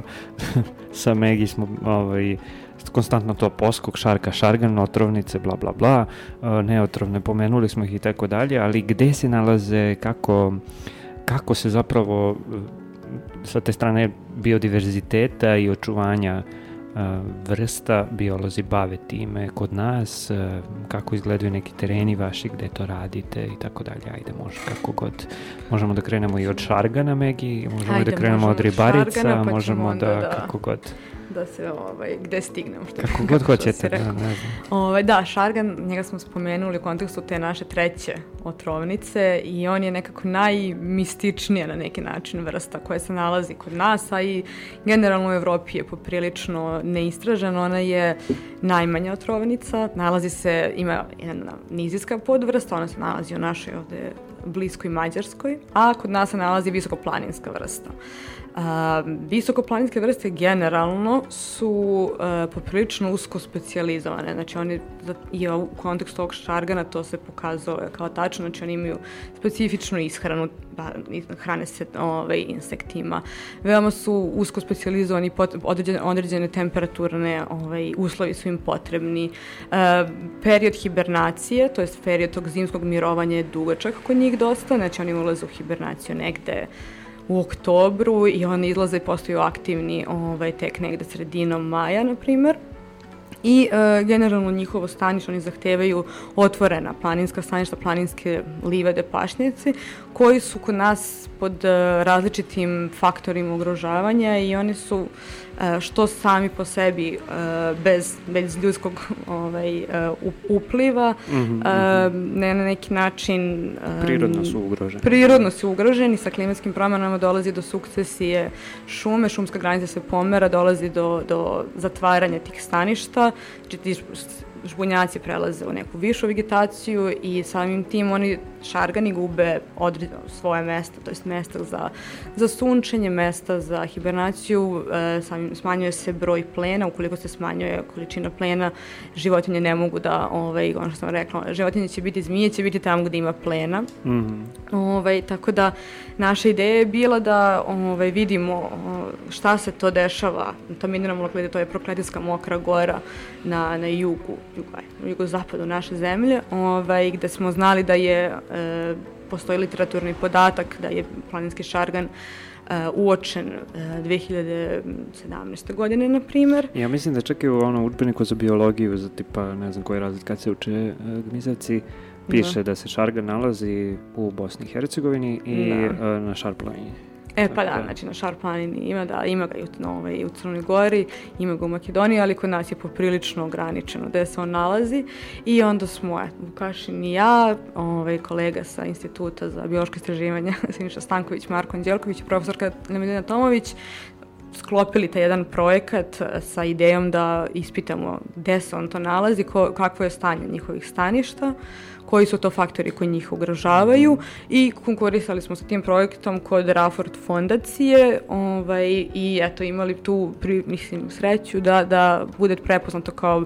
za značajno istraživanje, tako da smo poslednje dve godine ovaj, posvetili što istraživanju samu, same distribucije, što edukaciji lokalnog stanovništva, studenta i ovaj, ono što smo primetili da jeste da, da njihovo stanište je negde, uh, da, zapravo sam moram malo, malo digrati pošto sam se satjela, uh, potvrdili smo, na, nalazi se i dalje na tom lokalitetu gde je bio i ranije primećen, što je odlično, ima stanište u dobrom stanju, postoje neke tendencije da se određene infrastrukture javlja, neke planinarske, planinarske kuće koje mm -hmm. potencijalno mogu da ugroze ovaj, njehovo stanište, ali čini se da je jednostavno lokalno stanovništvo ipak uh, stava da ne žele da, da, da, oni to žele da naprave za sebe, za neku internu upotrebu, mm -hmm, ali da nisu mm -hmm. ovaj e, da nisu željni da uništavaju preterano stanište, da, da prepoznaju značaj ovaj tog područja koje gde se oni mhm, nalaze. Mm -hmm. Ovaj i onda smo imali tu eto sreću da je Vukašin ovaj pronašao na novom lokalitetu e, Šargana, tako smo proširili njegovu distribuciju i sada da ovaj, imamo još jedan terenski ovaj, izlazak na teren gde ćemo opet e, prema nekim, ono što mala brzinska digresija takođe. Ono što je, na primjer, korisno kako mi možemo da organizujemo naše terene jeste kako, tako što znamo gde se oni nalaze. Imamo, na primjer, neke podatke o distribuciji njihovoj u susednim zemljama. I istorijske kapital. I istorijske da. podatke, znači. I onda uh, znamo de, gde se nalaze u kontekstu, znamo, na primjer, tačne lokalitete, ne, imamo koordinate mm -hmm, geografske, mm -hmm, te mhm. koordinate možemo da u, ko, ovaj, iskoristimo za modelovanje, za distribucije i onda nam prema različitim parametrima um, što, se tiče, što se tiče klimatskih uslova. Znači, klimatski uslovi, na primjer, se uzimaju kao neke faktori koji određuju gde se ta vrsta nalazi, stanište mm -hmm, uh, i na, dobijemo model koji nam kaže gde sve možda postoji taj šargan. Mm -hmm, Tako da mislim da imamo model Strava, da. i, i onda ćemo da idemo u te poligone, bukvalno eto, otvorimo, imamo mapu sa poligonima i onda ćemo da ovaj, te prečešljamo ovaj, livade i da vidimo da li se možda još tu negde nalazi planinski šargan i da potencijalno još malo proširimo to ovaj, to mesto, to je taj, taj um, areal koji bi mogo da ide pod zaštitu. Tako da eto, to je nešto što smo mi poslednje dve godine radili i mislim da je zaista značajno da se takva istraživanja finansiraju, da ljudi mm -hmm. ovaj, izlaze na teren, utvrđuju gde se koje vrste nalaze, te i tereni bukvalno ovaj, se zasnimaju na prikupljanju što više informacija o životinjama o samom staništu. Mi gledamo koje su, to, koje su polijedinke, koje su uzrasne kategorije, da li su jele, da li su trudne, merimo im temperature, uzimamo ne, ne, biološki materijal, neki, na primjer, uzorak tkiva, neke dalje genetičke analize, gledamo kakva je temperatura spoljašnja, da, kakva je osunčanost, tako da sve to mi skupljamo kako bismo onda znali dalje gde da ih tražimo i šta je zapravo njima sve potrebno. Tako Sad si da... htela da prepustiš reč Vukašinu, da. a, a bukvalno si završila sa možda naj, dve najzanimljivije stvari meni, bar da. trenutno. Jedna je, ali zamolit ću te da mi, ako, ovaj, mislim sigurno postoji neki rad koji se bavi time, tom, baš metodologijom kako se pravi model Vaš, za potencijalna prosto. staništa jer mi deluje kao ima, metodološki ima. baš zanimljiva tema koja, da, da. ono, da ne ulazimo sad u to previše, ali možemo stavimo link. Može, prosledit ću ti, da. da. I, i, A drugo, znači sad sve to pominješ, znaš, kao uhvatimo zmiju i onda sad određujemo pol, starost, bla, bla, bla, da. bla, bla, bla, i kao, kako? Ka A ti si već odlučila Vukašić. ne, ne, evo, mogu ja malo ne, slobodno, za... slobodno, slobodno, ovaj, Evo, ne, ja ću da pričam malo o toga u kontekstu otrovnica, a onda ti priči dalje da, da, to, svemu. to je, mislim, metodološki da. potpuno zanimljivo, zato što um, i, i ok, ne samo za zmije, nego da. kao i generalno, ali zmije su nešto što deluje kao egzotična životinja. Znači, sisari, svi mi imamo sličnu anatomiju, da. manje više a kao kako se kod zmija određuje starost, kako se određuje pol, kako se određuje sve što da, se da, pomenula, da, da. za šta služi uzimanje tkiva, kako se sa tim tkivom radi i to. Da. Pa uh, ono što je na neki način najjedno, nisam naj, ajde, ajde ovako s početka. kako se mi, kada radimo sa otrovnicama, uh, koristimo rukavice kao zaštitu za protiv, protiv ujeda i uh, kada uhvatimo zmiju, mi prvo izmerimo njenu kloakalnu temperaturu, to jest temperaturu. Kako se meri temperatura, da? Um, zamislite onaj um, termometar, ubodni znači... termometar koji neki ljudi koriste za merenje uh, temperature ne, Margareta mesa. hoće da kaže da imamo profesionalnu opremu. Ali mi imamo profesionalnu opremu. da, da, da. ne ova za meso. ali, ali liči na to. Kada, da, kada da, hoćeš da napraviš polukrvavi biftek, ja mislim da to koveri koriste liči, u da. bodu, ovaj, aha, tako da je ubodni termometar koji... Da, da, da, koji zapravo ima de, de, detektor termalni na da. metalnoj igli. Da, da, da. da, da.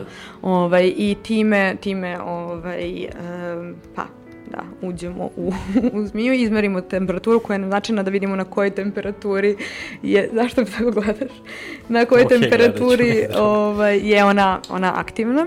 Uh, ono što kod otrovnica se nekada uh, može i prema obojenosti, vera, o, mm -hmm, mm -hmm. obojenost može da ukaže, na primjer, na pol. Ja sam se nekada vodila time, ali mislim da nije dobro da, da to bude ovaj, kriterijum određivanja pola. Uh, uglavnom na primjer, kod poskoka negde su uh, žućkaste, o, da, žu, žućkasto kao i kod šargana, žućkasto zlatne boje ženke, a mužci su tamniji, kontrastniji, obojeni sivkasto, sivkasto crni, ali ono što je definitivno najbolji ovaj, o, parametar, to je na, kako, kako mi gledamo koji je pol, to je uh, da širina, uh, dužina repa, ali, I oblik repa. I oblik repa. Oblik repa je, naj, je najdirektniji, najkonkretniji, najsigurniji. U smislu da ako sad neko vidi poskoka i sad hoće da pro, provali na osnovu oblika le, le, le, le, repa.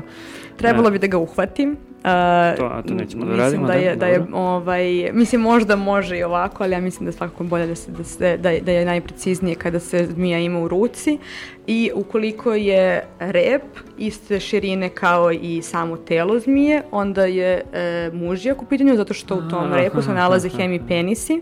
Ukoliko nismo sigurni, mi možemo, znači zmije imaju dva penisa, mi možemo nekim blagim pokretima da izbacimo ovaj, te penise da potvrdimo da je to mužijak. Aha. Ako ženki dolazi do neka način grubog e, suženja ovaj, nakon. Da, da, da, da, da, da. Tako da to je, ne, to je ovaj Odnosno, način. Uh, da, uh, poskok, muški poskok ima da. zapravo deblji, deblji rep i nema da. to ono kao da ide od debelog tela, lagano da, sve do da, da, tanko, da. Tanko, tanko, nema taj tanki kraj u suštini, toliko tanki kraj. Pa nema, da? nema tanki kraj u predelu kloake, znači u predelu tu gde se završava telo, da, da, da, telo, da, da, da, nego ima tako buć, bućkasti i malo, da, malo, da. malo devlje širi, širi. Ovo e, vidiš, a ovo su ti sad, ovo su ti sad izazovi radija, znači, da, da. čiko objasni ono kako Bez izgleda. Bez bilo čega vizualnog, da, da, da, da.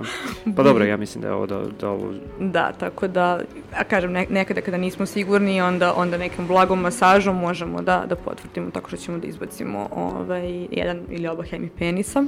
Uh, ono što je kod zmije dosta dobro i lako jeste što mi taj, time što njih prepipamo bukvalno isto blagim ovaj, prelaskom uh, palca preko tela možemo da odradimo da li imaju hranu u sebi. Mm -hmm. uh, neki iskusni ovaj, istraživači ili jednostavno, na primjer, kao ovu kašin kojem su prošle barem hiljadu, bez preterivanja, barem hiljadu Možda ovaj, zmija. Možda šta je tačno pojela. Može da skonta šta je pojela. Wow. Ovaj, tako čast. da, uh, možda tako možemo da vidimo, to jest da osetimo, da prebrojimo koliko ima, ima beba, koliko ima embriona Aha. ili jaja. Da, zanimljivost je da otrovnice da za razliku od nekih drugih zmija, rađaju žive mlade. Da, da. da. Tako da... Šta, kako to znači? Šta pa, to znači, znači rađaju žive mlade? Evo digresija koja je za Zeo bacio. Naprimer, uh, ribarice i belovuške, oni polažu jaja. I iz to, jaja se izrode Iz jaja da. se rode mladi, to je nešto što se zove oviparni način Dobro. razmnožavanja. Onda imamo smukulju, isto živi u Beogradu, živi u našoj zemlji. Ona ima nešto se zove ovoviviparija. U suštini jaja su u majici, Dobro. Majka drži ta jaja do aha, samog aha. trenutka kad mladi se ispile iz tih jaja, izlaze iz majke, aha, tako da se rađaju živi, ali se rađaju živi iz jaja. Da, da, da, da. da. A kod utrovnica, samo ime vipera je zapravo od, ne znam baš tačno dalje grčki, dalje latinski, ali nešto je ži, živorodne. U suštini aha, oni imaju aha. nešto slično placenti. Znači imaju baš embrione, mm -hmm, nemaju jaja, mm -hmm. nego baš male bebe. Male bebe, da. U da, sebi da, da. i nešto, neku strukturu koja je slična kao placenta preko koje se ta beba hrani i onda se u suštini uh, majka poskok ili šarka ili šargan porodi. Da. I da. izlaze živi, full, full živi. Da, da, da. da. Tako da nastavi. to nisam znao. Ja sam da, mislio da sve zmije ono polažu jaje. Ne, ne, ne. ne, ne, ne. Neke Tako da- zmije, opet da ne, ne idemo baš previše u egzotiku, čak prave i skloništa za, za svoje mlade i kod nekih zmija izražena i briga o mladima u smislu čuvanja jaja, aha, grejanje, grejanje jaja. jaja da. Tako da, da, da, ali... Ali kod, kod ovih naših nema nikakve brige. To, to kao rodi se. Da, to, to je svako svojim putem. To. Ko preživi, samo, da. Uh, da, tako da eto, to, to je dobro što kod zmije možemo da tim eto, relativno jednostavnim, neinvazivnim metodama saznamo o tome da li ona jela, koliko ima beba. Uh, naravno, već smo pol odredili, mi uzimamo mere samog tela, mere repa, mere glave. Kašnje spomenuo zašto je toliko glava bitna, jer, jer one svi rade glavom, tako da, da nam to je poprilično informativan ovaj karakter. Ono što ja skupljam otrov, za, za dalje analize. Od ostalog biološkog materijala skupljamo, ako, na primjer, nema hranu ili ima hranu koja je do, donekle stvarena, nekada ona hoće da se iskaki i onda mi pokupimo taj feces, mm -hmm. zato što onda u fecesu možemo da vidimo da li ima dlake, onda znamo, na primjer, da neki sitni sisar ovaj, u pitanju, ili ima neki krljušt, ili ima ne, ili neki ovaj, insekt, da, da, tako da, da, da, onda tu malo čeprkamo po, po izmetu da vidimo šta je jela. Ovaj, to su veoma korisne informacije. Da, da, da. da. Uh, I ono što možemo, da, znači, da uzmemo, na primjer, uzorak tkiva, da li je to vrh repa, da li je to, ono, da zasecnemo krljušt ili, ili ovaj, bris iz, iz usta, kako bismo videli, na primjer, njenu genetičku strukturu, da, gde, gde pripada po nekoj, koliko je, na primjer, udaljena od neke druge populacije, tako da Mm -hmm. To su ove neke ne, o, osnovne... I krv, osnovne. i krv Krv se uzima da. u specifičnim situacijama, znači to su za baš eksperimente, ne uzimamo kao neku mm -hmm. standardnu metodologiju, to je ove, rađeno kada da se vidi, na primjer, to kako odgovaraju na, na, na stres, da li ima razlike o tome da li ove su mužice i ženke drugačije odgovaraju na stres, mm -hmm. da li mhm, različite mhm. morf, da li različite zmije koje su isto pripadaju istoj vrsti, ali, ali drugačije izgledaju, drugačije odgovaraju na stres, tako da mm -hmm. to je nešto... Da, izgled, izgled nešto određuje. Da, određuje, ali ovaj, da, to, to je nešto što je u okviru određenog eksperimenta. Ne znam da li Vukašin ima nešto, verovatno ne, ima. Ne, mislim da Molim da je, te. Mislim da, da je to to, da ta neka bazična metodologija, metodologija da. je, je A onda ta. neko ko se bavi ponašanjem, ja sam moram da navi, ima da, da, celu da. skalameriju.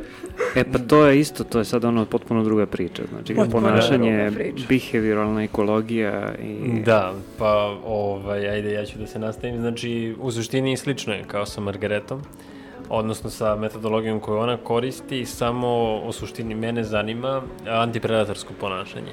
Dobro. A jedna od fascinantnijih stvari a, jeste da ove neotrovne zmije, pogotovo vodene, znači kod nas su te vodene belouške ribarica, one su, ja ću reći, slobodno blentave. Ne ujedaju, imaju jako specifične kako kažem, facijalnu ekspresiju zato što love i većinom mm. im su im oči da bi mogli da vide malo više na glavi, izgledaju kao da nemaju ni jednu misao iza tih očiju. Ove, ali imaju jako, jako veliki arsenal tih odbromenih ponašanja. A, ispuštaju neke kloakalne sekrete, šište, šire glavu, a, šire glavu i šište pa prave neke pokrete. Naprimjer, belouške jako često imitiraju da su kobre. Mislim, imitiraju te pokrete, kao se izdignu, i rašire. Da, da, da, i nekada to, čak i na, kao glume napade. Glume napade, prave se mrtve, puštaju krv iz usta i tada, znači, wow. a, apsolutno imaju jako veliki dijapazon ponašanja i mene je ovaj jako, jako interesovalo a kako, a zašto se to dešava, mm -hmm. jer, na primjer, to glumljenje smrti, ako uzmemo neku hipotetičku situaciju, recimo da mene, tebe, Margaretu, neko uzme i krene da neki predator nas napadne, ok, sad ću ja se pravi mrtav, pa kao nema mi to baš smisla. A onda počnemo da razmišljamo, pa dobro, na primjer, kad nas juri medved, glavno mi je savjet, ok, pravi se mrtav jer sam taj nedostatak pokreta kod predatora mm -hmm. pravi neku zabunu mm -hmm. i očigledno da to radi, pošto su ribarice poprilično, ovaj, ras, em što su rasprostranjene, em što su jako dobri glomci da. i preživljavaju, kažem, to je, znači, možeš da držiš zmiju u ruci i ona 30 sekundi širi glavu, napada te šišti, izbacuje te sekrete, naravno piški, kaki, sve te da. divne stvari koje idu s tim i onda samo se oklembesi, otvori usta, pusti krv iz usta i kao to je to, ja sam mrtva. Ajde da. sad ostavi me, idi negde dalje, ja ću da odem svoj da, da, da, da, da. Tako da... I ti sekreti sad imaju poprilično odbojan miris. Ti sekreti da imaju da odbojan da miris, mi oni... smo, ovaj, koji se, mi koji se bavimo ribaricama, beloškama, smo malo izopšteni, zato što, jel, te mirišemo na, da, na organizam koji da. se bavimo, ali mi to herojski trpimo. Tako je. Njihov kamp je malo dalje. Da, naš kamp je malo dalje. Nismo sa elitom, elitom, ovaj. Tako da, uglavnom je metodologija ista, u smislu merimo iste mere, ali bukvalno nama podatak javilo se neko ponašanje ili se nije javilo ponašanje, znači bukvalno je no 0,1, mm -hmm. može da ukaže na neke trendove, a, tako da uglavnom merimo to, merimo trajanje tih faza, znači koliko sekundi se ona pravila mrtva, koliko sekundi je bila nepomična, koliko sekundi je trebalo da odluči da ovaj beži mm -hmm. i deluje kao neki ono sa, sa štopericom čekaš na izgled mrtvu zmiju da se pomeri i deluje totalno kao neka luda priča, ali imamo zanimljive rezultate, imamo ovaj super studiju, Mislim, ovo, Ciganin hvali svoje konga, svoje konga, Evo, ali, ima super ali evo. Margareta ne kaže, da. Da, da, super sjajno. studiju i ovaj, pored toga, ono što je Margareta pomenula s Kalamerijom, jedan poligon.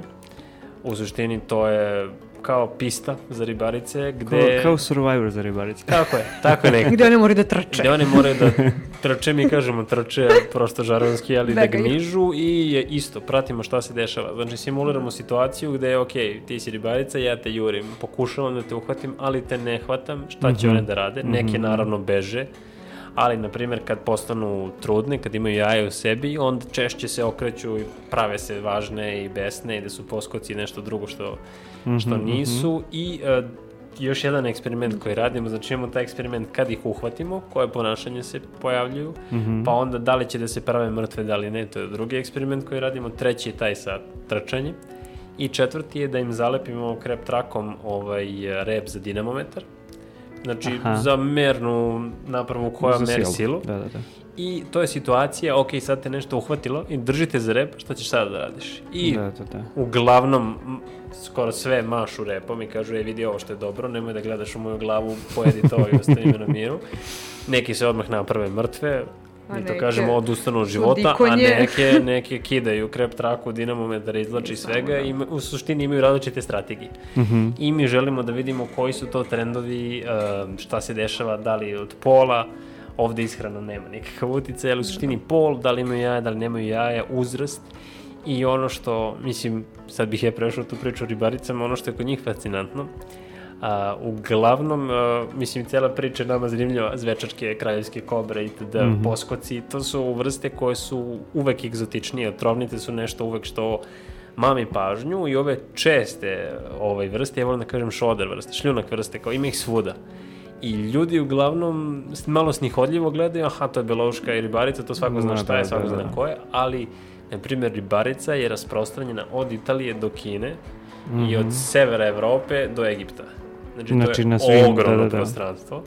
Pored toga, a, ovaj lokalitet gde mi radimo, ispričat ću im nešto, par reči o prespi, ali javljaju se tri morfe, odnosno tri boje. A, Ribarice su generalno zelene sa crnim tačkama, ali kako idemo južnije u njenom arealu, odnosno njenom rasprostranjenju, javljaju se kompletno zelene jedinke, znači izgledaju kao zelene mambe, bukvalno, Mhm. i s kompletno crne jedinke. Ali kao, znači ti kad sad kad kažeš zelena sa crnim tačkama, to nije zelena koja je ono jarko zelena. Maslina. ova kod nas, Maslinasto da, da. zelena, maslinasto zelena, znači maslinasto zelena s tačkama, maslinasto zelena bez tački i crne. I sad a, a, postavlja se pitanje, a zašto ih ima u tim bojama, dakle te boje zapravo, a, i neke, neka logička su razmišljanja kao, ok, te crne jedinke očigledno mogu da budu i od ovih skroz zelenih bez ičega, mogu da budu i od ovih zelenih s tačkama. I mi želimo to prvenstveno kroz ponašanje da pokažemo da li su možda te crne, pošto melanizam je jako česta pojava, čak i kod šarki. šarki, Mhm. Znači jednostavno kad si crn i kad si zmija to je super zato što može da upiješ toplotu jako, jako bolje i da održavaš toplotu jako bolje, ali a, crna zmija na belim liticama od nekog ostrva u Prespanskom jezeru kao uočljiv si, Da, da, da. ali da li si? I sad se javlja pitanje da li predatori zapravo vide crnu zmiju na belim stenama kao mi, da li oni imaju drugačije taktike Aha. i sad to je jedna jako Da li su one kompleks... crne na rođenju ili to? Da li su što crne? To će reći u stvari da ako ti gledaš na primjer, ponašanje crnih zmija, antipredatorsko ponašanje Da. crnih zmija, ti u stvari gledaš uh, uh, na osnovu toga koliko je razvijeno antipredatorsko ponašanje, ti možda možeš da izvučeš informaciju da li ta crna boja zapravo je štetna Tako je. ili nije. Jer, Odnosno, na, da karakterišemo tip odgovora na predator Mhm, mhm. i da kažemo, ok, ona je, znači mora da postoji neko uzemno ograničenje. A, ne može zmija da bude i crna i brza i da glumi smrt i da ovaj Da, da, da, ono. da, Znači da, da. mora da se negde javi neki trend i onda mi želimo da vidimo kako su se one a, izborile s time da su crne i nama, mislim mi percipiramo da su one učljivije zato što nama jesu. kontrastno Nije, no, da. je, da, da. Ovaj, se time, pošto, na primjer, na Prespanskom jezeru, na Golem gradu ih ima baš dosta. Uglavnom su te crne Ali kad jedinke... kažeš baš dosta, to je Da, reka. ovaj, crne jedinke su uglavnom redke i uglavnom je to oh, crna, Da. me, kompletno melanična ovaj, ribarica ili šarka je malo re, ređe, ređe se nalazi, a tamo ih ima baš dosta i nas zanima, ok, a, kako, zašto? Tako da i pored toga, na primjer, to glumljenje smrti je jako specifičan ovaj, odbrana i jako je česta na tom ostrovu, na ostrovu Golengrad. Mi sad spremamo jedan rad koji se baš i zove Ostrovo mrtvih, jer Mhm. tamo jako često upadaju tu takozvanu tanatozu, odnosno glumljenje a, smrti i mi mislimo da je to zapravo zbog gustine. Tamo je veličina populacije procenjena na nekih 10.000 zmija na 20 Da. hektara ostrova. Pa to, je, to sam, negde sam vidio zapravo ostrvo zmija. Da, Da. bukvalno i mi mislimo, ok, kad ima puno zmija i predator kada uhvati jedno i ona se napravi mrtva, on je u fazonu kao, ok, ova je mrtva, ali vidi sve ove koje beže od mene, ajde da uhvatim još jednu i dok on hvata tu neku drugu, ova može da pobegne. Da, da, Tako da. da to je otprilike Aha, to što aha. ja radim, čime se bavim, metodologija je slična, ali opet malo Da, da, ono što je bilo zanimljivo, ti si spomenuo sve na zanimljive eksperimente i kako su ljudi smislili i postavili da, da bi odgovorili na neko pitanje koliko je zapravo tebi trebalo vremena da dođeš i da postaviš tu, da dođeš do te postavke eksperimenta, to je Da. od tvoje ideje do toga šta može se uradi u, u prirodi sa Mhm. životinjama, koliko su one poslušne, neposlušne, koliko Da, to je mukotrpan je veoma proces. dug proces. Znači, to nije Da, baš samo ovaj, ideja je- i realizacija linearno, Postoji, već... da, postoji neki, neki tip naučne metode koja kaže, ok, ne možeš ribaricu da pustiš jedan put da trči i da vuče, ajde da kažemo tako, nego mora da to bude 3, 4, 5 puta ponovljeno, ali problem je što ribarice neće dva ili tri puta da beže, zato što da, kažu, da, da, ok, da, ovo ne radi. Nauče, zašto?" da, da, da. Da, tako da bilo je mukotrpno, bilo je ovaj, um, ajde da kažem naporno, ali slatki su, slatki su to muke bile da mi dođemo do toga, jer uglavnom cilj jeste sačuvati ostrvo, sačuvati tu populaciju na Presponskom jezeru, tako da za taj cilj ovo ostalo stvarno nije, nije neki veliki napor, eto mi Da, dalje. ono što je, što je problem sa jezerom, to je što se on nalazi na a, granici tri zemlje i pod koliko Da, smo suštini, rekli, dva a, ili tri nacionalna super parka je- su... Super je priča o Presponskom jezeru zato što uh, prvo to je jedno od najstarije definitivno najstarije tektonsko jezero na Balkanu i jedno od najstarijih u Evropi. Tektonsko jezero. Tektonsko jezero, Da, da, da. znači nekad je tu bila rupa, napunila se vodom, evo ga jezero. Mhm, mhm. Otprilike 20 miliona godina je staro, puno je endemitnih vrsta riba i endemitnih vrsta, mislim, beskičmenjaka, znači baš je ono raj na zemlji, u smislu jako Za je posebno. herpetologe. Pa i Da, mislim za za sve. Za sve, ne, apsolutno je jedinstven I ekosistem. ovaj, e, naravno ja ih favorizujem ribarice, što ih ima puno, ima ih u tri boje, kao sve što jedan e, čovjek koji se bavi ribaricama želi. I e, kao što je Margareta rekla, to je jedan veliki e, nacionalni park Galičica se zove. I on je malo u Albaniji, malo je u Makedoniji, tu je i Grčka i u suštini ono što se dešava ima puno ribe. Uglavnom su oko Prespanskog jezera ribolovačka naselja, odnosno ribarska naselja, mislim da se tako da. pravilnije kaže. I ti ljudi godinama, vekovima verovatno žive Od te ribe, da. od toga. E sad šta se dešava? Malo kapitalizam, malo svašta nešto, ajmo mi da lovimo ribu stalno i e, dolazi do prekomernog izliva, izliva, izlova a, ribe, ali šta se dešava ribarice, samo ime kaže čime se hrane, Mhm, opet nama je lakše ovo prepipavanje za hranu, ok, riba je definitivno svaki put, Da, barem da, za da. sada, ovaj, ulaze u mreže, instinktivno da love ribu, zaglave se u mrežama i dave se. E sad ta populacija, kao što sam rekao, velika, 10.000 zmija, ali po stotine zmija su naše kolege nalazile u mrežama mreži, udaven, da. udavljene. Uf. Tako je to jako veliki udar na populaciju. Pored toga ribari nisu nešto vični za zaštitu prirode, tako da i kad Mhm. nađu živu zmiju, oni je ubiju. I Mhm. ovaj, to je jedan problem. Drugi problem je a, samo ostrovo na gde mi radimo. Znači, prvo, taj nacionalni park Galičica, a, kažem, problem je što različite zemlje gde se nalazi ta, na primjer, ribarica kojom se mi bavimo, imaju različiti a, Stepen zakonski zaštite. stepen zaštite. Mhm. A, kad je u, u nacionalnom parku Galičica na ostrvu Golengrad, to je strogi rezervat prirode, tu ima jedan status zaštite. I Samo u Makedoniji je, u Makedoniji je sk- skoro ugrožena po proceni Mhm. naših kolega, ali u Albaniji nije procenjena. Prema nezvaničnim informacijama nije nešto ugrožena, ali Mhm. to je daleko od nekog kao zapravo zvanične liste.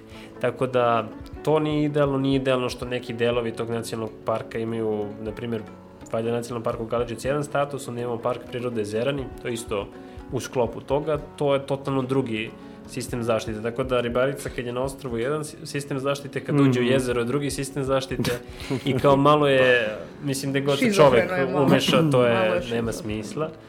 Tako da i samo ostrovo gde mi radimo, konkretno na Golengrad, sad smo otišli na drugo ostrovo koji se zove Malgrad, tu planiramo da započnemo studiju, ali 2008. godine počelo da bude otvoreno za turisti. Mm -hmm, mm -hmm. I to je neki ekoturizam, za slušalce to eko je bilo po znacima navoda, u suštini uh, to su ture po ostrvu, ostrvo je pored biljnog životinskog sveta, ima i arheološka nalazišta iz valjda, petog veka, prvog veka, mm -hmm. tu su neke crkve, bazilike, bile su različite iskopine, grobnice itd. I zanimljivo je, lepo je, ali uglavnom nema organizovanih tura. Mm -hmm, mm -hmm. Ovaj, turisti idu po ostrvu gde god žele I, na primjer, jedna od rezultata ovog našeg projekata, to je mog projekta na, na Golem gradu, jeste da gomila malih uh, ribarica, beba, strada tako što biva zgažena U suštini oni se kriju ispod tih e, kamenja na plažama mm -hmm. i turisti koji ne znaju gde su te zone i mi smo to naučili skupo, jel te skontali smo šta, smo, šta se desilo kad smo prelazili, mi izbegavamo otprilike, idemo jako pažljivo, prevraćamo kamenje da vidimo gde su. Znači ti ih ne vidiš uopšte, znači to nije ne, ne, da ih ljudi ono gaze svesno, zato što ne, se ne, plaše. Ne, ne, apsolutno da, nesvesno, da, da. u suštini da, da. poenta je, trebalo bi da se stavi neki znak, trebalo bi da bude vodič, u suštini uh, da, da, turisti dođu na ostrovo, ribari ih ostave i kažu, evo imate dva sata, radite šta hoćete. Aha. A, pored toga, mi jesmo herpetolozi, ali tu se gnezde i različite ptice, na primjer jedna vrsta galeba koja ima jaja na zemlji, koja su apsolutno savršeno kamuflirana. Mi opet znamo gde su kolonije mm -hmm. ptica, turisti to možda i ne znaju, najđu na ptića, najđu na jaje. A, dodatno, još jedan faktor ugrožavanja, imamo jednu jako interesantnu populaciju kornjača na tom ostrvu, opet različite ponašanja, homoseksualna, nekrofilija, ludnica, ali suština je uh, zatvorene populacije. U suštini kornjače su na tom ostrovu, to su šumski kornjače, ne plivaju mm -hmm, mm -hmm. i nekako osuđene su na to što im je. Ima jako veliki broj mužjaka, odnosno na jako mali broj ženki, mm -hmm, što je veći mm -hmm. problem i uh, odnosno naš problem najveći jeste uh, što turisti bebe kornjače koje su jako redke, koje su uvek dobrodošle na ostrovu, jer kao populacija mm -hmm. se mhm. onavlja, ja o slatkoj uzeću kao suvenir. A. Ali u takvoj populaciji uzimanje čak jedne jedinke može da dovede do kolapsa. I ja sam što da, da, to isto dešavalo i do poskoke, da ono što to ste ušli se, u ono što smo ušli u trag jeste da, jedna da, jako interesantna priča da smo sreli neke kolege iz Češke i kako to krene sad društveni mediji, Instagram, Facebook i tada I kako smo mi stupili u kontakt, tako je meni stigo, odnosno stranici našoj, stigo neki poziv za prijateljstvo od, ne znam kako se zove, neka odgajivačnica zmija.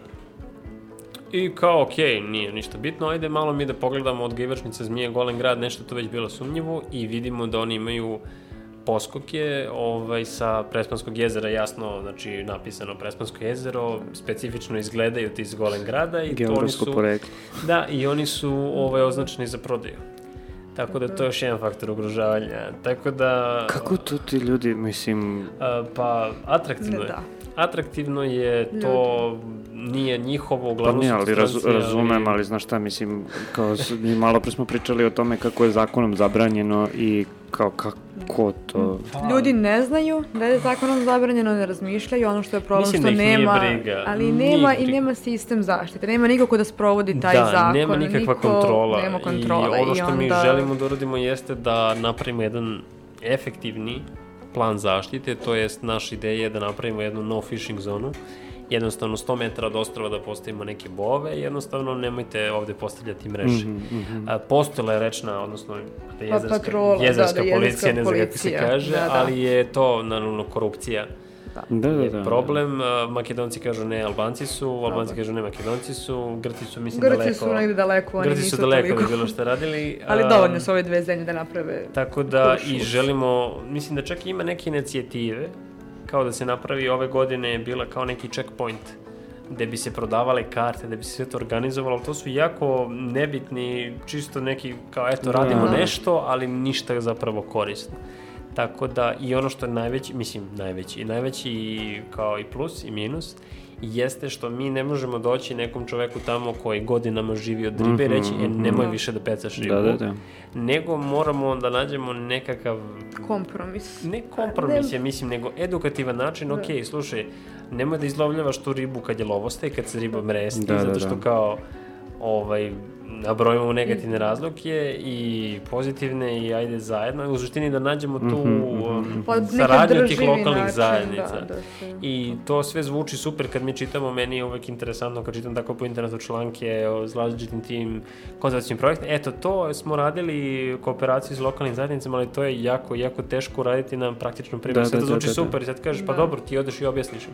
Ali kako ćeš da im Da, objasniš? tu su stotine ljudi, I mislim. stotine ili- ljudi, godine i kako će životi meni... su potpuno Mm, Vezani, vezani za, apsolutno, za, apsolutno za ribu za i za tu to. jezero, za ribu. I kao, e sad ti njemu objasni, prvo mi nismo ni makedonci ni albanci, Da. mi smo iz Srbije, mladi smo, nemamo nikakve veze s ribolovom, tako da e, težak, mislim, imamo, nećemo da kažemo da je apsolutno sve ono bez nade, ima nade, Da, da, mi nastavljamo da radimo, širimo projekte, uključujemo mlade studente iz Makedonije, iz Albanije, Da, iz to je.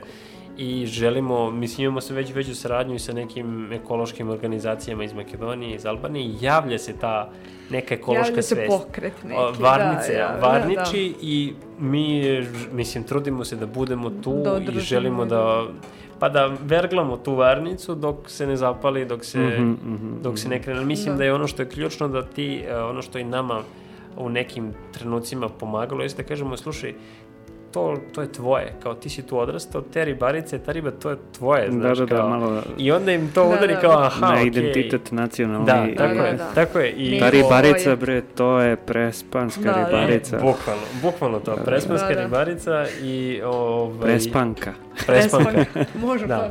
Da, mislim, sad ćemo da radimo tima. neki, je, neki je, ovaj, ideja da radimo neke genetičke analize, da vidimo kakvo je stanje te populacije, pa možda ispunimo to neka Odvojena vrsta, neka podvrsta i to će biti, to će da se štiti da...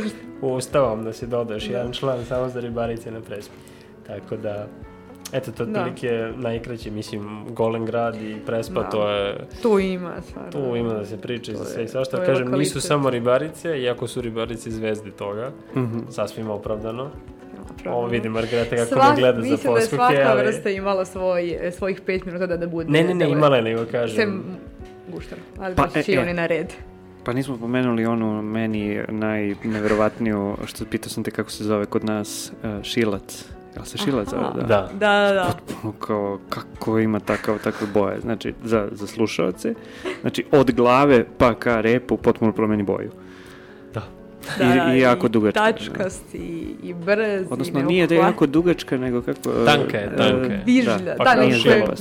šilac. Da, da, da. da, da, da. Da, naši ljudi imaju kreativne, kreativne nazive. Šilac, da, da, da. Pa on je mediteranska, mediteranska vrsta, je li tako? Jeste, da, to je da. prava mediteranska vrsta. Nalazi E, se Kod na nas je skroz, skroz na jugu, u dolini reke Pčinje. Brza, hrani se uglavnom insektima, jako specifično miriše. Slo- Složit ćeš se? Da, da, da. Ovaj, verovatno U zbog- smislu E, neprijatno, prijatno, Pa, e, zanimljivo. specifično, Aha. specifično, zato što... Nije odbojno, nije kao Nije sekret odbojno, koji miriše ribarice kao, meni miriše kao na, dobro, još jedan po da ribarice smrde. Ne, ne, ne, ali to je njihov, to je njihov mehanizam. Neka, nije neka, ni- možda nisu čuli, ponovim još jedan. Ali, ovaj, a, miriše meni kao na pokoženu travu. Da, da, to sam. O, to je baš prijatno. Da, tako Jeste, da, da. mislim da... A i to je odbrambeni mehanizam pokošene trave, Aha. taj enzim, da. Da, jeste. Zove se cis-3 heksanal. Opa. Vidiš, ja znam i ja da, nešto da. kao fizičar o molekulima.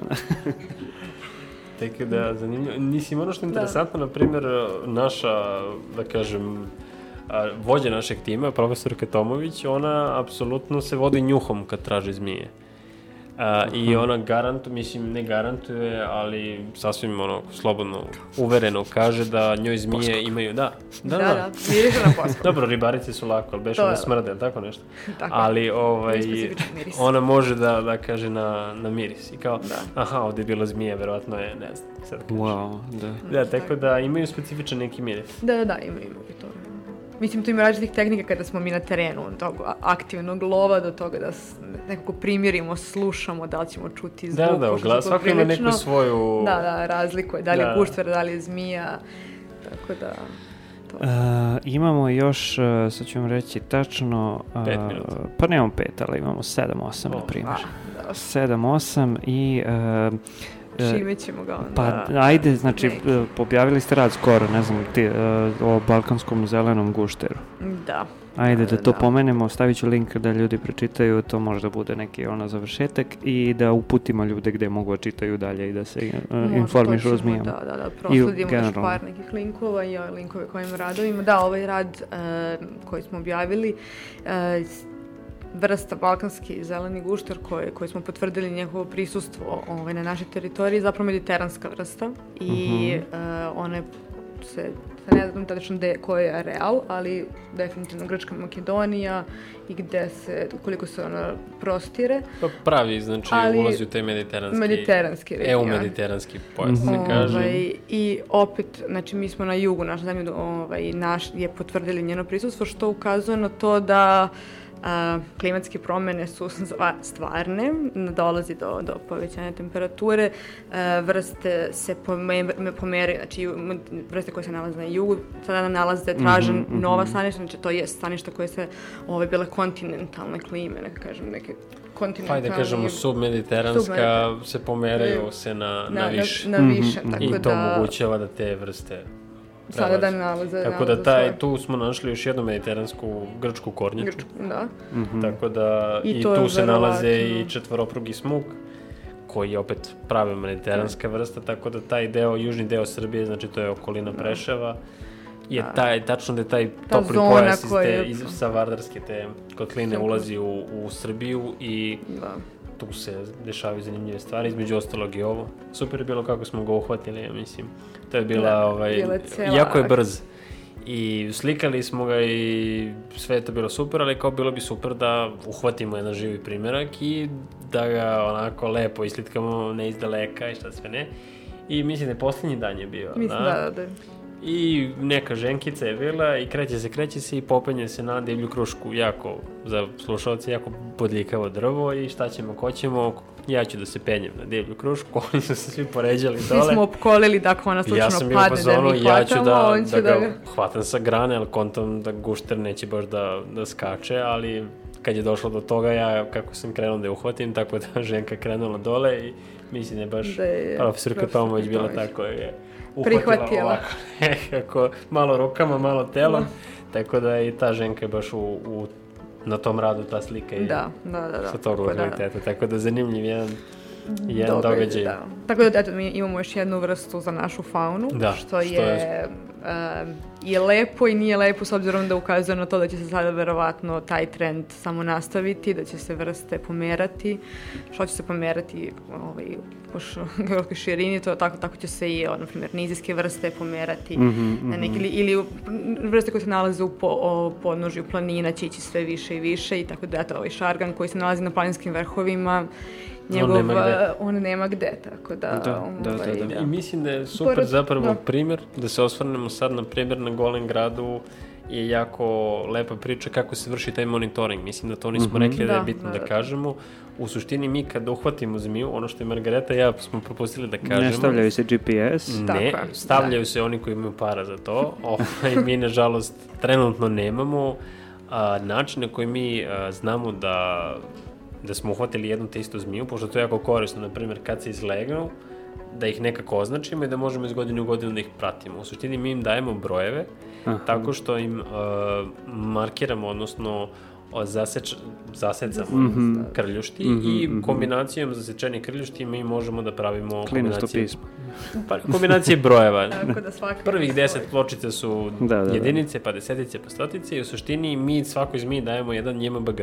Da, da, da, da, da. I znamo da smo hvatali zmiju u broj 5132 i ok, na primjer na Golem gradu je taj broj 6150 i nešto i super, je, ima puno zmija, možemo da ih hvatamo i dešava se, na primjer, baš sada u maju smo uhvatili broj 578, Koji u suštini je- nebitno koji je broj, ali 2008. Da. je, za markiran. markiran, da, da. da. I mi smo je uhvatili ponovo 2022.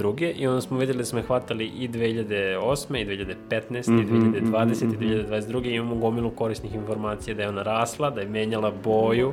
Da toliko dugo živi zapravo. Da, da, Što je da. interesantno. 2008. Da li- 2022. 14 godina, čoveč. I tad Da, kad da. je uhvaćena je već bila velika, bilo je oko 75 Znači, ona je već cm. nekih Sad je nekih 20-ak 90 godina. cm, tako da ona je sigurno 20 20 godina. Tu godina, jedna da. velika, lepa ženka. Da, Dobro je, sve nadamo da ćemo sledeće godine. Jel, daje, jel dajete imena? A nekad kad se baš da, vežemo. da, da. I uglavnom su to ovaj, estradne ličnosti, tipa, ne znam, Jašar, Ipče i tako. to, su, Da, to su imena. A drugi primer studije je ovo što Margareta radi sa Da, šarganima, što mislim da je okej bila- da ona ispriča, ne Da, da, da, da je isto bila ideja da, da mi sve jedenke koje uhvatimo, um, premerimo, markiramo sa idejom da ih uspostavimo neku populaciju za monitoring, to je da vidimo, jer sve te informacije tog ponovnog hvatanja nama daju ove, neku ideju da u kom je, u kom je stanju Mhm, populacija. šta se promenilo, Šta da. se promenilo, koji je odnos polova, kako rastu i ostalo. Tako da to je neki najbazičniji pristup i naša ideja je bila u redu, mi ćemo da izađemo na teren i znači imamo lokalitet Mokra Gora, znamo da ih imamo, da ih tamo barem imamo u nekom broju, hvatamo ih, markiramo ih i izlazimo tri godine. Mi smo za 17 terenskih dana imali samo šest životinja. Znači, sa šest malo. životinja Ne smo mi ništa shvatili da da.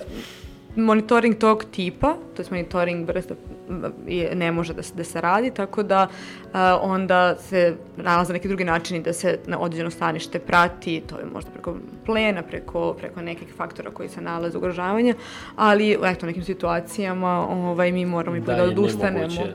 Pa nismo u suštini odustali od njega, nego ne, ne, ne, jednostavno nismo najbolji tok njega, je smo štititi odustali, stanište Da, da, da. da. Mhm. i Od samog- indirektno štititi vrstu, jer ovako nema baš smisla, nije efektivno, Nije- zato što nije ovakve studije je. imaju, iako su mukotrpne, mislim ova studija na Golem gradu traje preko 15 16 godina godina sada, i da. dalje nema dovoljno podataka za neke te stvari. Iako Jer- je preko 6000 zmije Da. markirano, preko 8000 zmije je prošlo nama kroz ruke i koje su marki, mislim ne markirane, koje su eto tako Da, da, da. hvatane uz, uz neku studiju i mi dalje nemamo dovoljno podataka da kažemo, e, tolika je zasigurno veličina, e, tolika je gustina, Da. Tada Evo sad do- da, da to sam još jedan brzinski ovaj, e, vizualno pre, prezent, to je da je profesorka Tomović započela studiju 2008. tamo i tek je ove godine, znači 2022. prvi rad koji ovaj, opisuje bazične ovaj, Mhm, e, s- mhm, stvari o populaciji poskoka na Golem gradu objavljen, znači to je posle 15 godina skupljanja sistematičnog podataka da mi možemo da znamo nešto to o odnosu polova, o Odnosno da stepenu možemo da godina su tvrdimo da znamo nešto. Da, Da, da, da, da, da. tvrdimo da znamo nešto na osnovu onoga što smo mi imali priliku da uhvatimo i da, da A pokupimo opet je mali, informacije. mali broj. A opet je Da. mali broj. Tako Da, da, da, su da. ekološke studije poprilično mm. zahtevne, to prilično dugotrajne, ali su neophodne. Moramo da završavamo. Dobro. Ja sam vam rekao da će da dođe vreme. Da, da, kada, si, kada, si pravo, da, apsolutno. kada će dva sata da prođe i, I bit ćemo malo. tek smo počeli. Uh, hvala vam što ste došli i što smo se ovako raspričali. Ja se nadam da će sad m, ljudi koji su zainteresovani i, ko, i koje je ova epizoda zainteresovala moći i da vas prate i da vam se jave. Uh, ja ću da stavim tamo linkove, ali u suštini projekti su Golem grad i Vipera Ursini Makrops i to su tako se zove i stranice na Instagramu. A, Srpsko herpetološko društvo, nismo pomenuli zapravo da će u Beogradu na jesen da se desi veliki kongres evropske herpetologije u septembru, što je isto zanimljivo. Možda tom, tim, tom prilikom možemo ponovo pričamo nešto o zmijama. Pa Tako. da. nadamo se, nadamo Evo, se. ja sam se malo dopustila, tako da može.